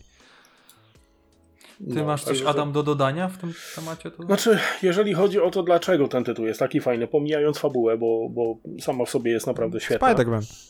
e, Spider-Man, e, to e, to, co jest w grach o Spider-Manie najlepszym elementem, to jest wolność poruszania się z punktu A do punktu B. Czy chcemy biec po dachu, czy chcemy przelecieć na pajęczynie obok budynku, czy chcemy pójść piechotą po ulicy. Mamy możliwość. Nic nie stoi na przeszkodzie, żeby sobie pójść po prostu od, od, z jednego miejsca do drugiego miejsca. E, co jeszcze? E, sposób rozbudowy postaci jeżeli chodzi o upgrade'y, nie upgrade'y, zbieranie punktów i tak dalej, misje poboczne, jest tego po prostu w. Jak e, przechodzę tę grę, tak jak mówiłem, od roku, e, doszedłem do jednego miejsca, ale to nie znaczy, że ja nie mogę grać czegoś innego w tym samym czasie. Ja po prostu nie wykonuję tej konkretnej misji, e, tylko na przykład pozbieram sobie zdjęcia Plecaki. fajnych miejsc w Nowym Jorku, albo pozbieram plecaki zostawione przez ostatnie ileś tam lat przez Petera po całym mieście. I tutaj Dzięki właśnie dałeś dostaję- mi coś do, do powiedzenia, jak dokończysz. No, no już, już. Y, masa easter eggów. Masa Tak. easter eggów. Masa. Jest Sanctum Sanctorum Doktora Strange'a. E, Jest e, ambasada Wakandy. Jest e, ambasada Symkari. E, Jest wieża Avengersów. Możesz wleźć na nią i skoczyć na główkę. Tak, możesz nawet znaleźć miejsce, gdzie jest e, mm, jakby siedziba praktyki tej mm, prawniczej e, Mata Mordaka. Der- Tak, Daredevila możesz znaleźć. Mhm. Jest biuro detektywistyczne Jessica Jones. Y, Jest. E, co tam jeszcze? No, dostajesz Jest- achievement na przykład za odwiedzenie grobu, grobu wujka Bena. Rand, Na przykład. przykład. Na, przykład, na przykład jest jeszcze Rand Corporation, tak? Od danego Randa, znanego jako Iron Fist. Jest tylko po prostu Nieźle, multum. nieźle, fajnie zrobili. No. Nawet No jest teraz- y, metalowy posąg psa z, Inhu- z Inhumans, a Inhumans są, Mhm. są dość mało znani. Jest e, w Nowym Jorku bardzo znana statua takiego wielkiego byka w takiej pozie rozpędzonej, nie? No to jest zamieniony właśnie Na tego ten psa. byk na, na tego psa. E, Stanley, nieodżałowany czesiego pamięci, e, został też uwieczniony w tej, w tej grze przez to, że ma swój pomnik. Y, nie, E, nie w tej. W Pomnik- Miles Morales. W pa- pomnik ma w Milesie Moralesie, Tak, tutaj się Moralesie. jako, podo, po, po, pojawia jako właściciel knajpy z najlepszymi E, frytkami w tak. Nowym Jorku. Tak, tak, dobra. Mylą mi się, bo przechodzę dwie jednocześnie. E, nie, jest, jest naprawdę nadźgane easter eggami tak bardzo, że no, no nie da się po prostu pomylić. Nawet jest nawiązanie do sceny ze Spider-Mana dwójki, kiedy e, Spider-Man grany przez Tobiego Maguire'a próbuje zatrzymać pociąg wystrzeliwując sieci. Jest dosłownie identyczna scena w, w grze, tylko oczywiście się Spider-Manowi to nie udaje. On mówi potem, hm, poprzednim razem się udało. No, to A, jest... taki typowy, fajny humor. no. Tak, tak, nie, dużo, dużo tego jest, naprawdę bardzo dużo tego jest. A, no i oczywiście Także- można mu ustroje zmieniać. Jest masa strojów. Jest Spider-Punk, jest y, y, Spider y, Armor, cztery chyba wersje tej zbroi.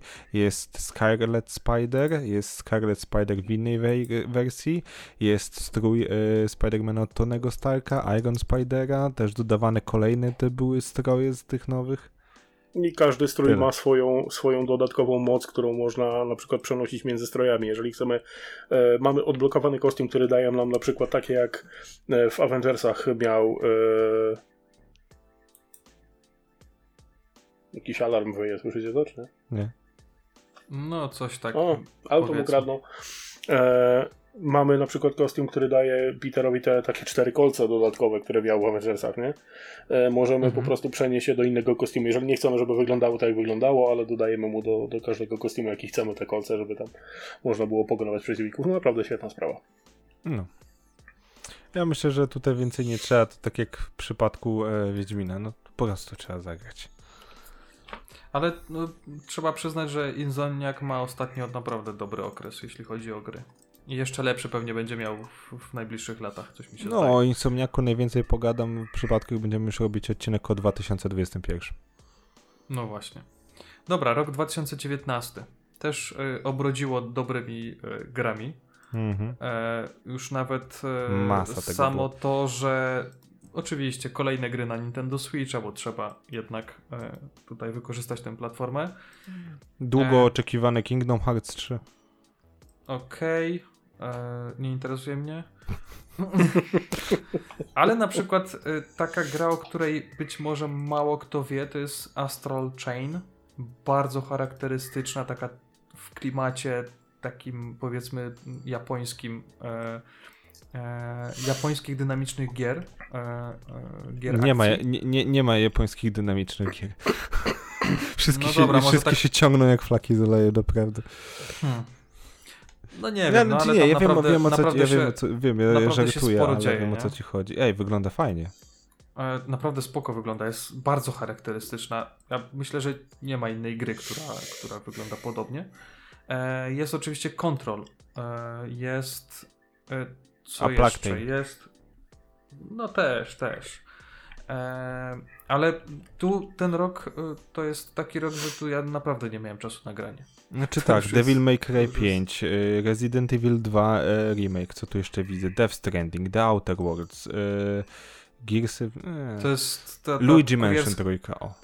e, Tak, e, to jest Death Stranding, to jest ta kurierska gra, tak? Tak, symulator kuriera, Jak dokładnie. Kompletnie. Impost na sterydach. O tak, o tak. Tylko ja widzicie, nie przykład przy- rozumiem. Nie Przy rozumiem 2018 nie powiedzieliśmy, przecież były takie też głośne tytuły jak Red Dead Redemption 2 czy God of War. A, no tak, racja, racja. No dobra, ale A, i ja postawiłem, Ni Kuni 2. O. ja w tym roku postawiłem na upadły zakon, bo y, to była jedna z, z gier, w którym rzeczywiście trochę dłużej mm, pograłem i to było coś, e, bo wcześniej mieliśmy w zasadzie gry z Gwiezdnych Wojen jak Battlefront 1, 2, czy ten e, Squadrons, e, jeszcze gorsze.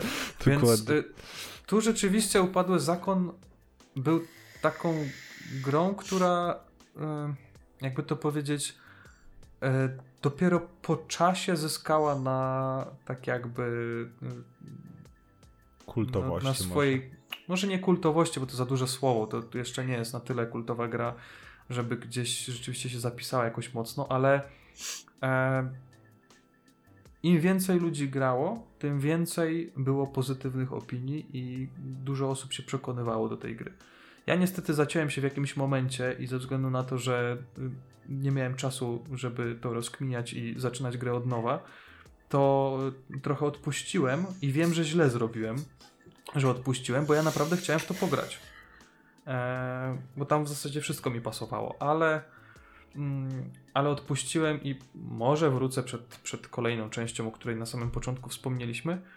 Mm, i tyle, no to jest, to jest mój tytuł i z tego co widzę po Excelu to jest ten sam tytuł, co wybrał Dorian. A po co mówiłeś, po co mówiłeś? Tak fajną mowę sobie przygotowałem w głowie.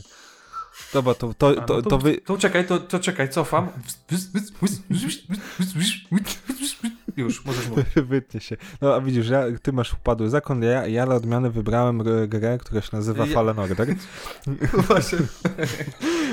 Dlaczego upadł zakon? Powiem tak, to jest gra gwiezd, na, gwiezd, z Uniwersum Gwiezdnych Wojen, na którą czekałem od bardzo, bardzo dawna, po tym głównie po tym mule, który dostawaliśmy od EA w postaci właśnie Battlefronta 1, 2, Squadronsów. Dlaczego upadł zakon? Bo to było idealne y, zaprzeczenie słów prezesa EA, który stwierdził, że gry singlu umarły i one się nie sprzedają, a upadł zakon się zaczął sprzedawać zajebiście. Tak, i to był taki plaskacz w ryj tego typa, że tak. po prostu...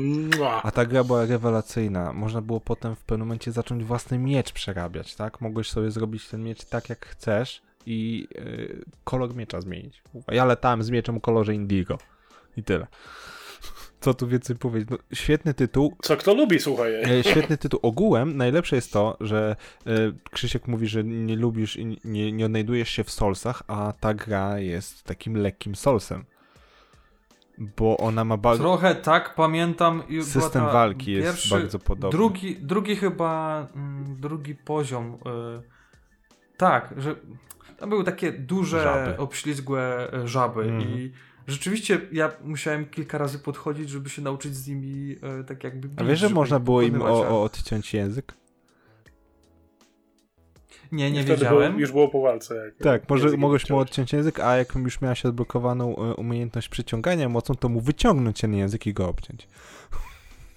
A, no. Nie, tytuł jest, na, tytuł jest naprawdę Sprytne. świetny i tam jest jeden taki easter egg, że w pewnym momencie miejscu, jak wciśniesz 66 razy, yy, żeby otworzyć drzwi, to jest yy, głos imperatora wykonać rozkaz 66.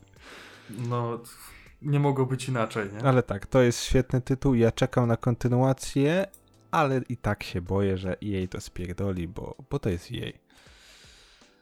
Już nawet się nie Dokładnie będę, nie tak. będę czaił, nie będę się krył. No nie, Słuchaj, ja mam tyle szacunku jak... do EA, co Adam do Apple i tyle.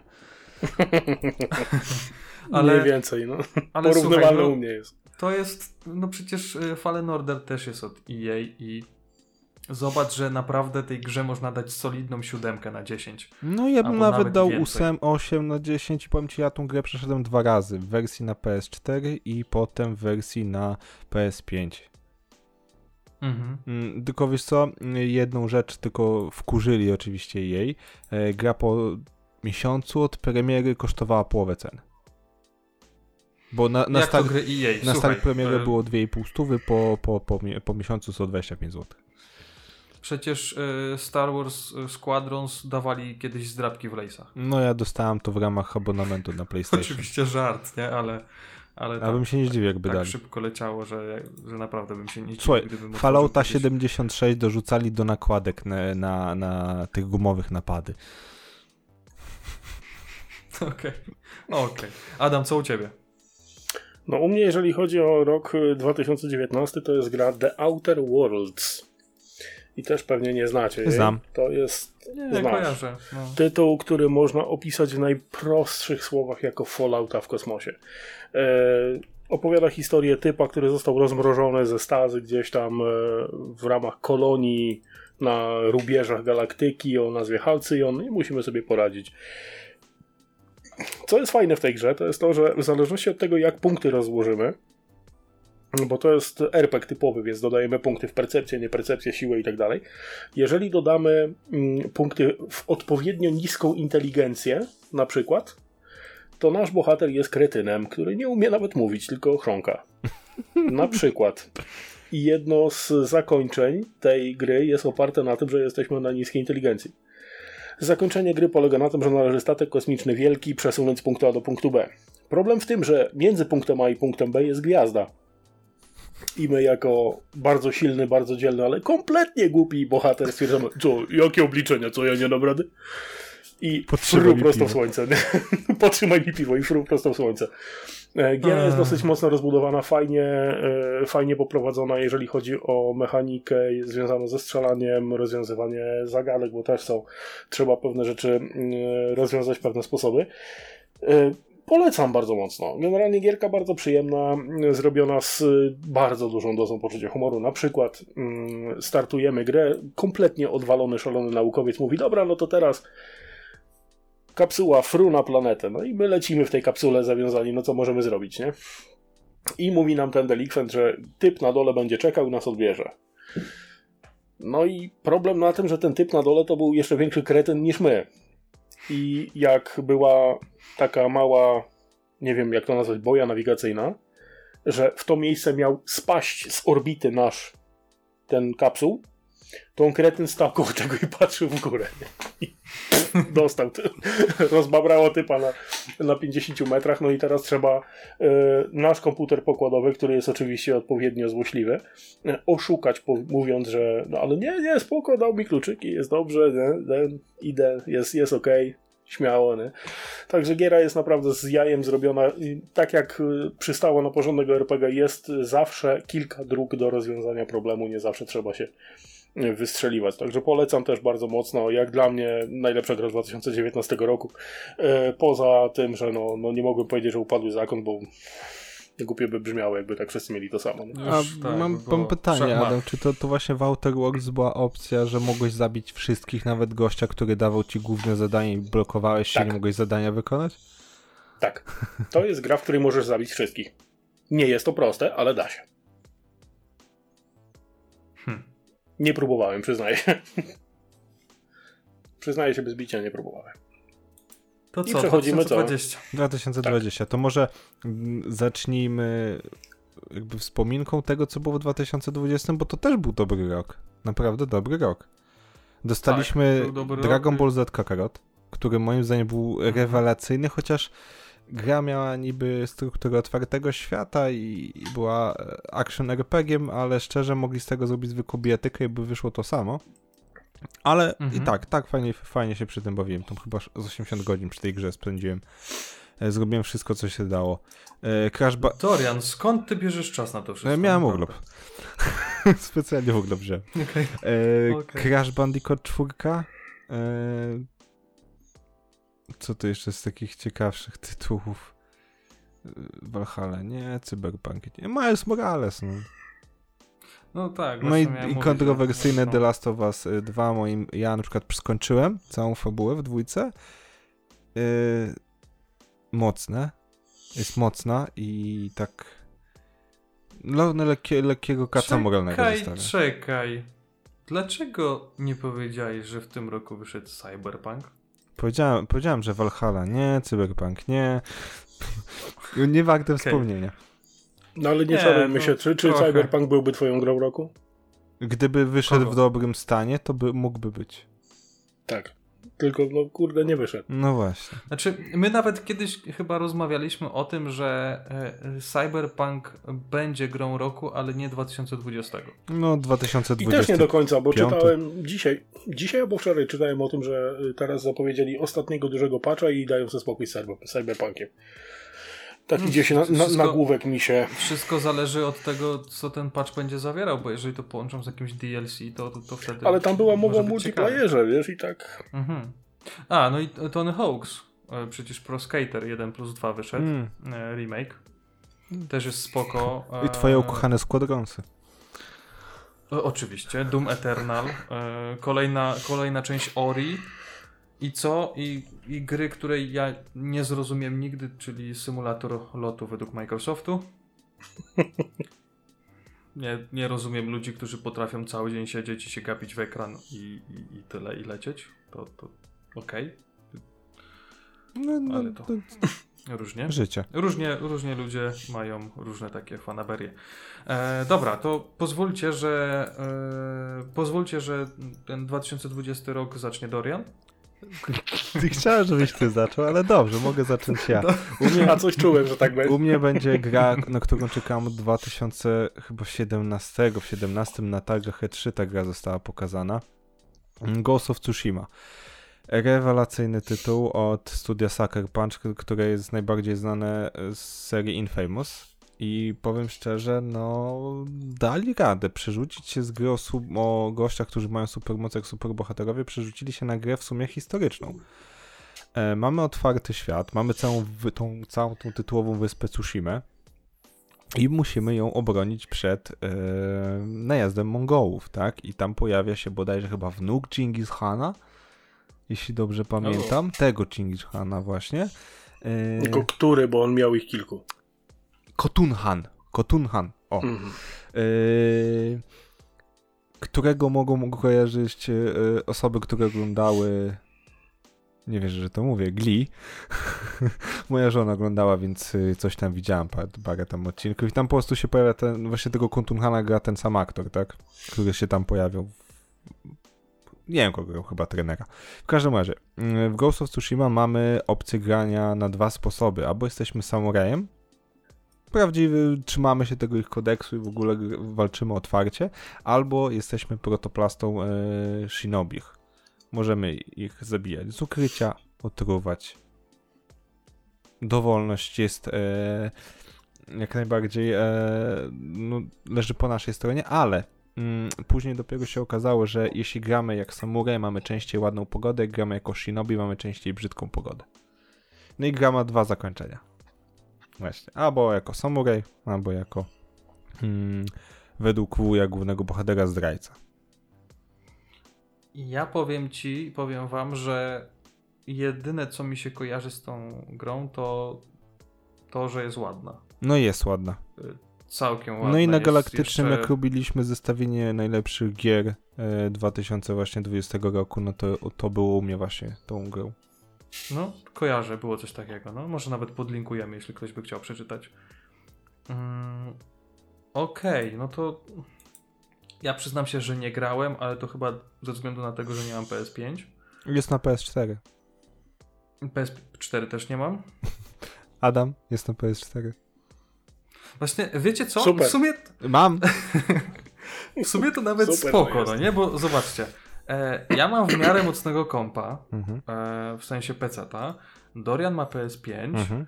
ja mam Switcha, Mhm. e, Adam ma kilka starszych konsol. Ja też mam Switcha. E, też, w też w miarę mocnego e, PC-ta.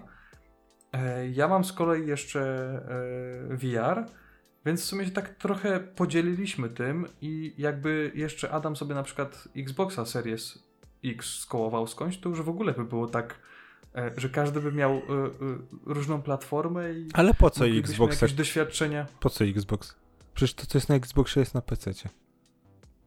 Xbox jest zbęd, Nie. zbędną konsolą akurat w tym wypadku.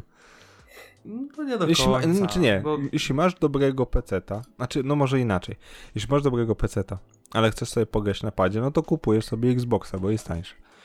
E, ale jeśli chcesz pograć w coś dobrego, to kupujesz PlayStation. Wyjdź. Wyjdź po raz kolejny. Jeżeli masz Game Passa i dobrego PC-ta, to kupujesz kurwa pada, tylko już nie 200 zł. Dziękuję. Tak. Tak. A nie PS5 za 17 tysięcy albo inne cuda. E, ja wam powiem tak, że e, przede wszystkim trzeba gdzieś kupić do PS, PlayStation. Ja kupiłem w sklepie, nie wiem, czy widzicie, widzicie To problem. W braku kompatybilności wstecznej z PlayStation 3, dziękuję. Y, Jest. Tak, Na zasadzie jest. streamingu, ale jest. Se mogą wsadzić streaming. Ja potrzebuję płytę. Ale, tą, ale Adam, wiesz dlaczego wyni- wynika problem z kompatybilnością z PS3? Ona miała dość skomplikowaną strukturę. Wiesz, Nie, wynika z lenistwa. znaczy o, Ludzi z to też, to na pewno lenistwo, ale też ona nie miała prostej konstrukcji. Bo ona była dość skomplikowana, nawet jak, jak, jak na tamte czasy. No była. Ja mam wrażenie, że y, żeby PS5 obsługiwało gry z PS3, to to PS5 musiałoby stać koło lodówki, albo przynajmniej w tej wnęce takie wsuwane powinno Musiałbyś mieć oddziel, oddzielny pokój, zaokrąglony z każdej strony, bo ona by się tak, wiesz, jak w wirówce latało. być. Dokładnie. To. I nadal by nie miała 60 klatek. No. Adam, dajesz o tym dumie. No, najlepszą grą 2020 roku dla mnie był Doom Eternal i tutaj bez, bez dwóch zdań, w ogóle bez dyskusji. E, Dlaczego? Dlatego, że 16 była świetna i Eternal pociągnął dalej fantastyczną e, fabułę. E, Rozwinęło to mnóstwo, mnóstwo wątków, które były już zapoczątkowane wcześniej. Do tego, jeżeli weźmiemy pod uwagę, co prawda wydane później, ale liczmy to jako całość, dwa dodatki nazywające się Ancient Gods 1 i 2. E, No jest to kompletny zestaw i, i strzelanki, jaka może tylko być. E, Długo było opowiadać, bo 16 była cholernie dynamiczna. E, Doom Eternal jest jeszcze bardziej dynamiczny. Tam nie można stać w miejscu, bo się ginie momentalnie. Nie, niezależnie od stopnia trudności i umiejętności gracza, nie wolno stać w miejscu, bo nas po prostu zjedzą. Mm, wszystko, co, co miałem do powiedzenia na temat Duma Eternal, powiedziałem w tym, w tym wspomnianym wcześniej artykule odnośnie tego, dlaczego e, to powinna być gra roku i nie wiem, czy jest czy jest sens przedłużać. E, W każdym razie, co mi się podobało? Podobała mi się mechanika, podobała mi się grafika, podobała mi się fabuła, podobała mi się muzyka. Muzyka jest mi oddana. O rany Julek, jaka ona jest fajna i jest dostępna nawet na YouTubie e, do przesłuchania cała, od dechy do dechy cały soundtrack. E, Tam były problemy związane z soundtrackiem, tam mm, Mick Gordon, który wcześniej popełnił e, soundtrack był odsunięty od tego, tam gdzieś się pokłócili jakieś prawa autorskie, cudawianki, nieistotne. W każdym razie muzyczka jest po prostu mła. E, Jeśli chodzi o fabułę, sama gra podstawka Doom Eternal kończy się w dosyć charakterystyczny i dosyć nieciekawy sposób, ale jeżeli ktoś ma e, ochotę te dwa dodatkowe mm, zestawy misji, te, te, te Ancient Gods, część pierwsza i druga rozwiązują temat dokumentnie, no i nic nie pozostaje innego jak czekać na kolejną część. Cholera wie kiedy będzie, jak na razie nabrali wody w usta. Wydaje mi się, że lepszej strzelanki w 2020 roku zwyczajnie nie było, ale to jak ktoś się ze mną nie zgadza, to zapraszam do komentarzy w ramach dyskusji. Obiecuję, że żadnego nie przeczytam, bo wiem swoje lepiej. No dobra, to ja kończę. I No to mów o tej było Alex, tak coś tam. Klasycznie i standardowo to tak. e, No, gra, o którą wspomniałem przy okazji Lon Echo, to właśnie to jest Half-Life Alyx. I od razu powiedziałem, po, od razu powiem to, że ja w, tę w tę grę jeszcze nie grałem, e, ale to jest gra, e, któ- o, o której obejrzałem chyba praktycznie wszystko, co jest w internecie. E, I mam wrażenie, że ja krócej bym grał, niż oglądał to, jak inni No tak, y, mówią o tej grze.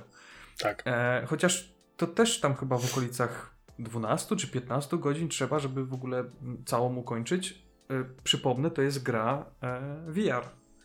Mhm. Więc e, wiecie, to historia tej gry była taka, że a dobra, tam różne studia robią sobie jakieś gry na VR, a potem wchodzi Valve i rozpierdala po prostu wszystko, jeśli chodzi o, o gry VR. Tam, tam to jest tak zaawansowana gra, że ja w ogóle nadal się zastanawiam, że coś takiego w ogóle na Google powstało.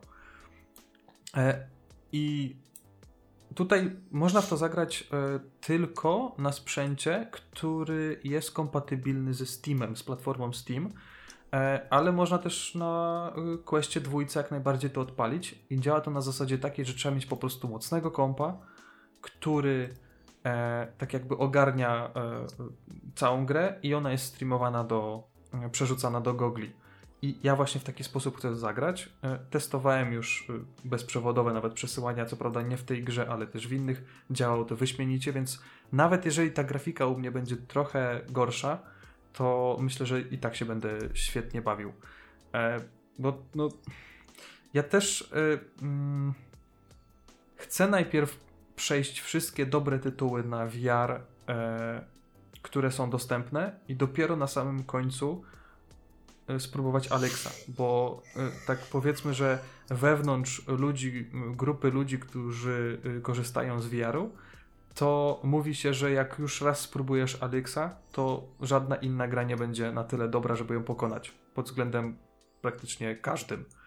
I... No pod względem VR-owości na pewno, bo tak. to chyba najbardziej rozbudowany interaktywny tytuł, jaki widziałem. Dokładnie. I powiem Ci, Dorian, jedną rzecz, że chodzą e, słuchy, że jak pojawi się PlayStation VR 2, to właśnie mają przerzucić Alexa na Google. Ja Zajebiście. trochę w to nie wierzę, ja trochę w to nie wierzę, ale to naprawdę byłby byłby no, myślę, że najlepszy tytuł na e, chyba, że Sony coś swojego stworzy, które naprawdę wyrwie z butów. Jeśli Sony stworzy dobrą grę, to piekło zamarznie. Jeśli chodzi o VR.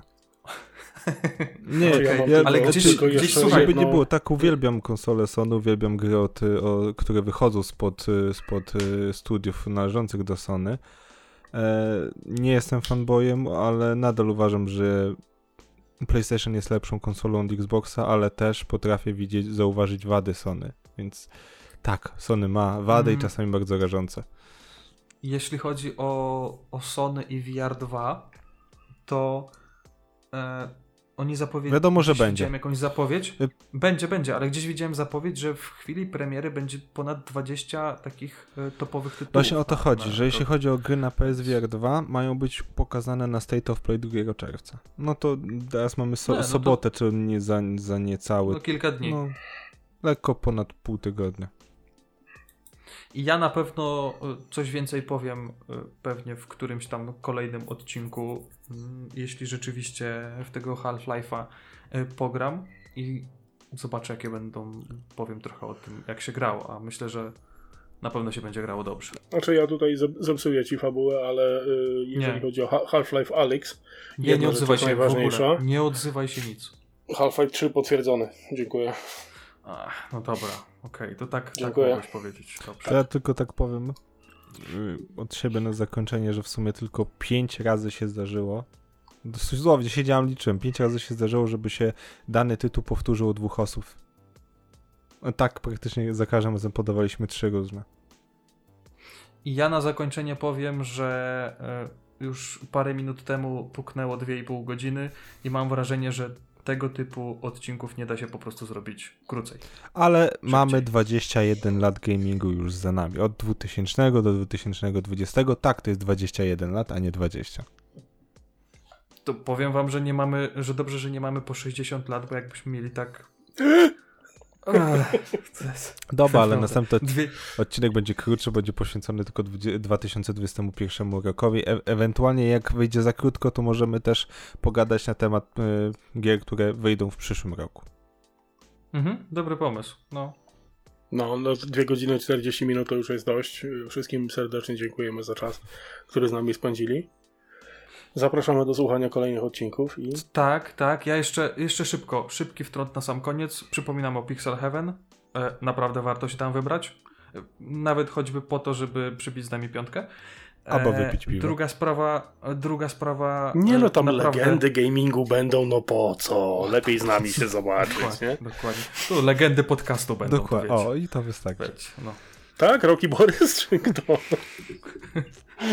Może będą, no. Słuchaj, jak tak zmrużę oczy, to tak trochę... E, trochę Ani nawet nie, a nawet nie próbuj. Roka przypominasz tak trochę, jak zmrużę oczy. Ale tak trochę, trochę. No. Znaczy, e, rok dzisiejszy to, pół, to jest pół dawnego roka, więc wiesz.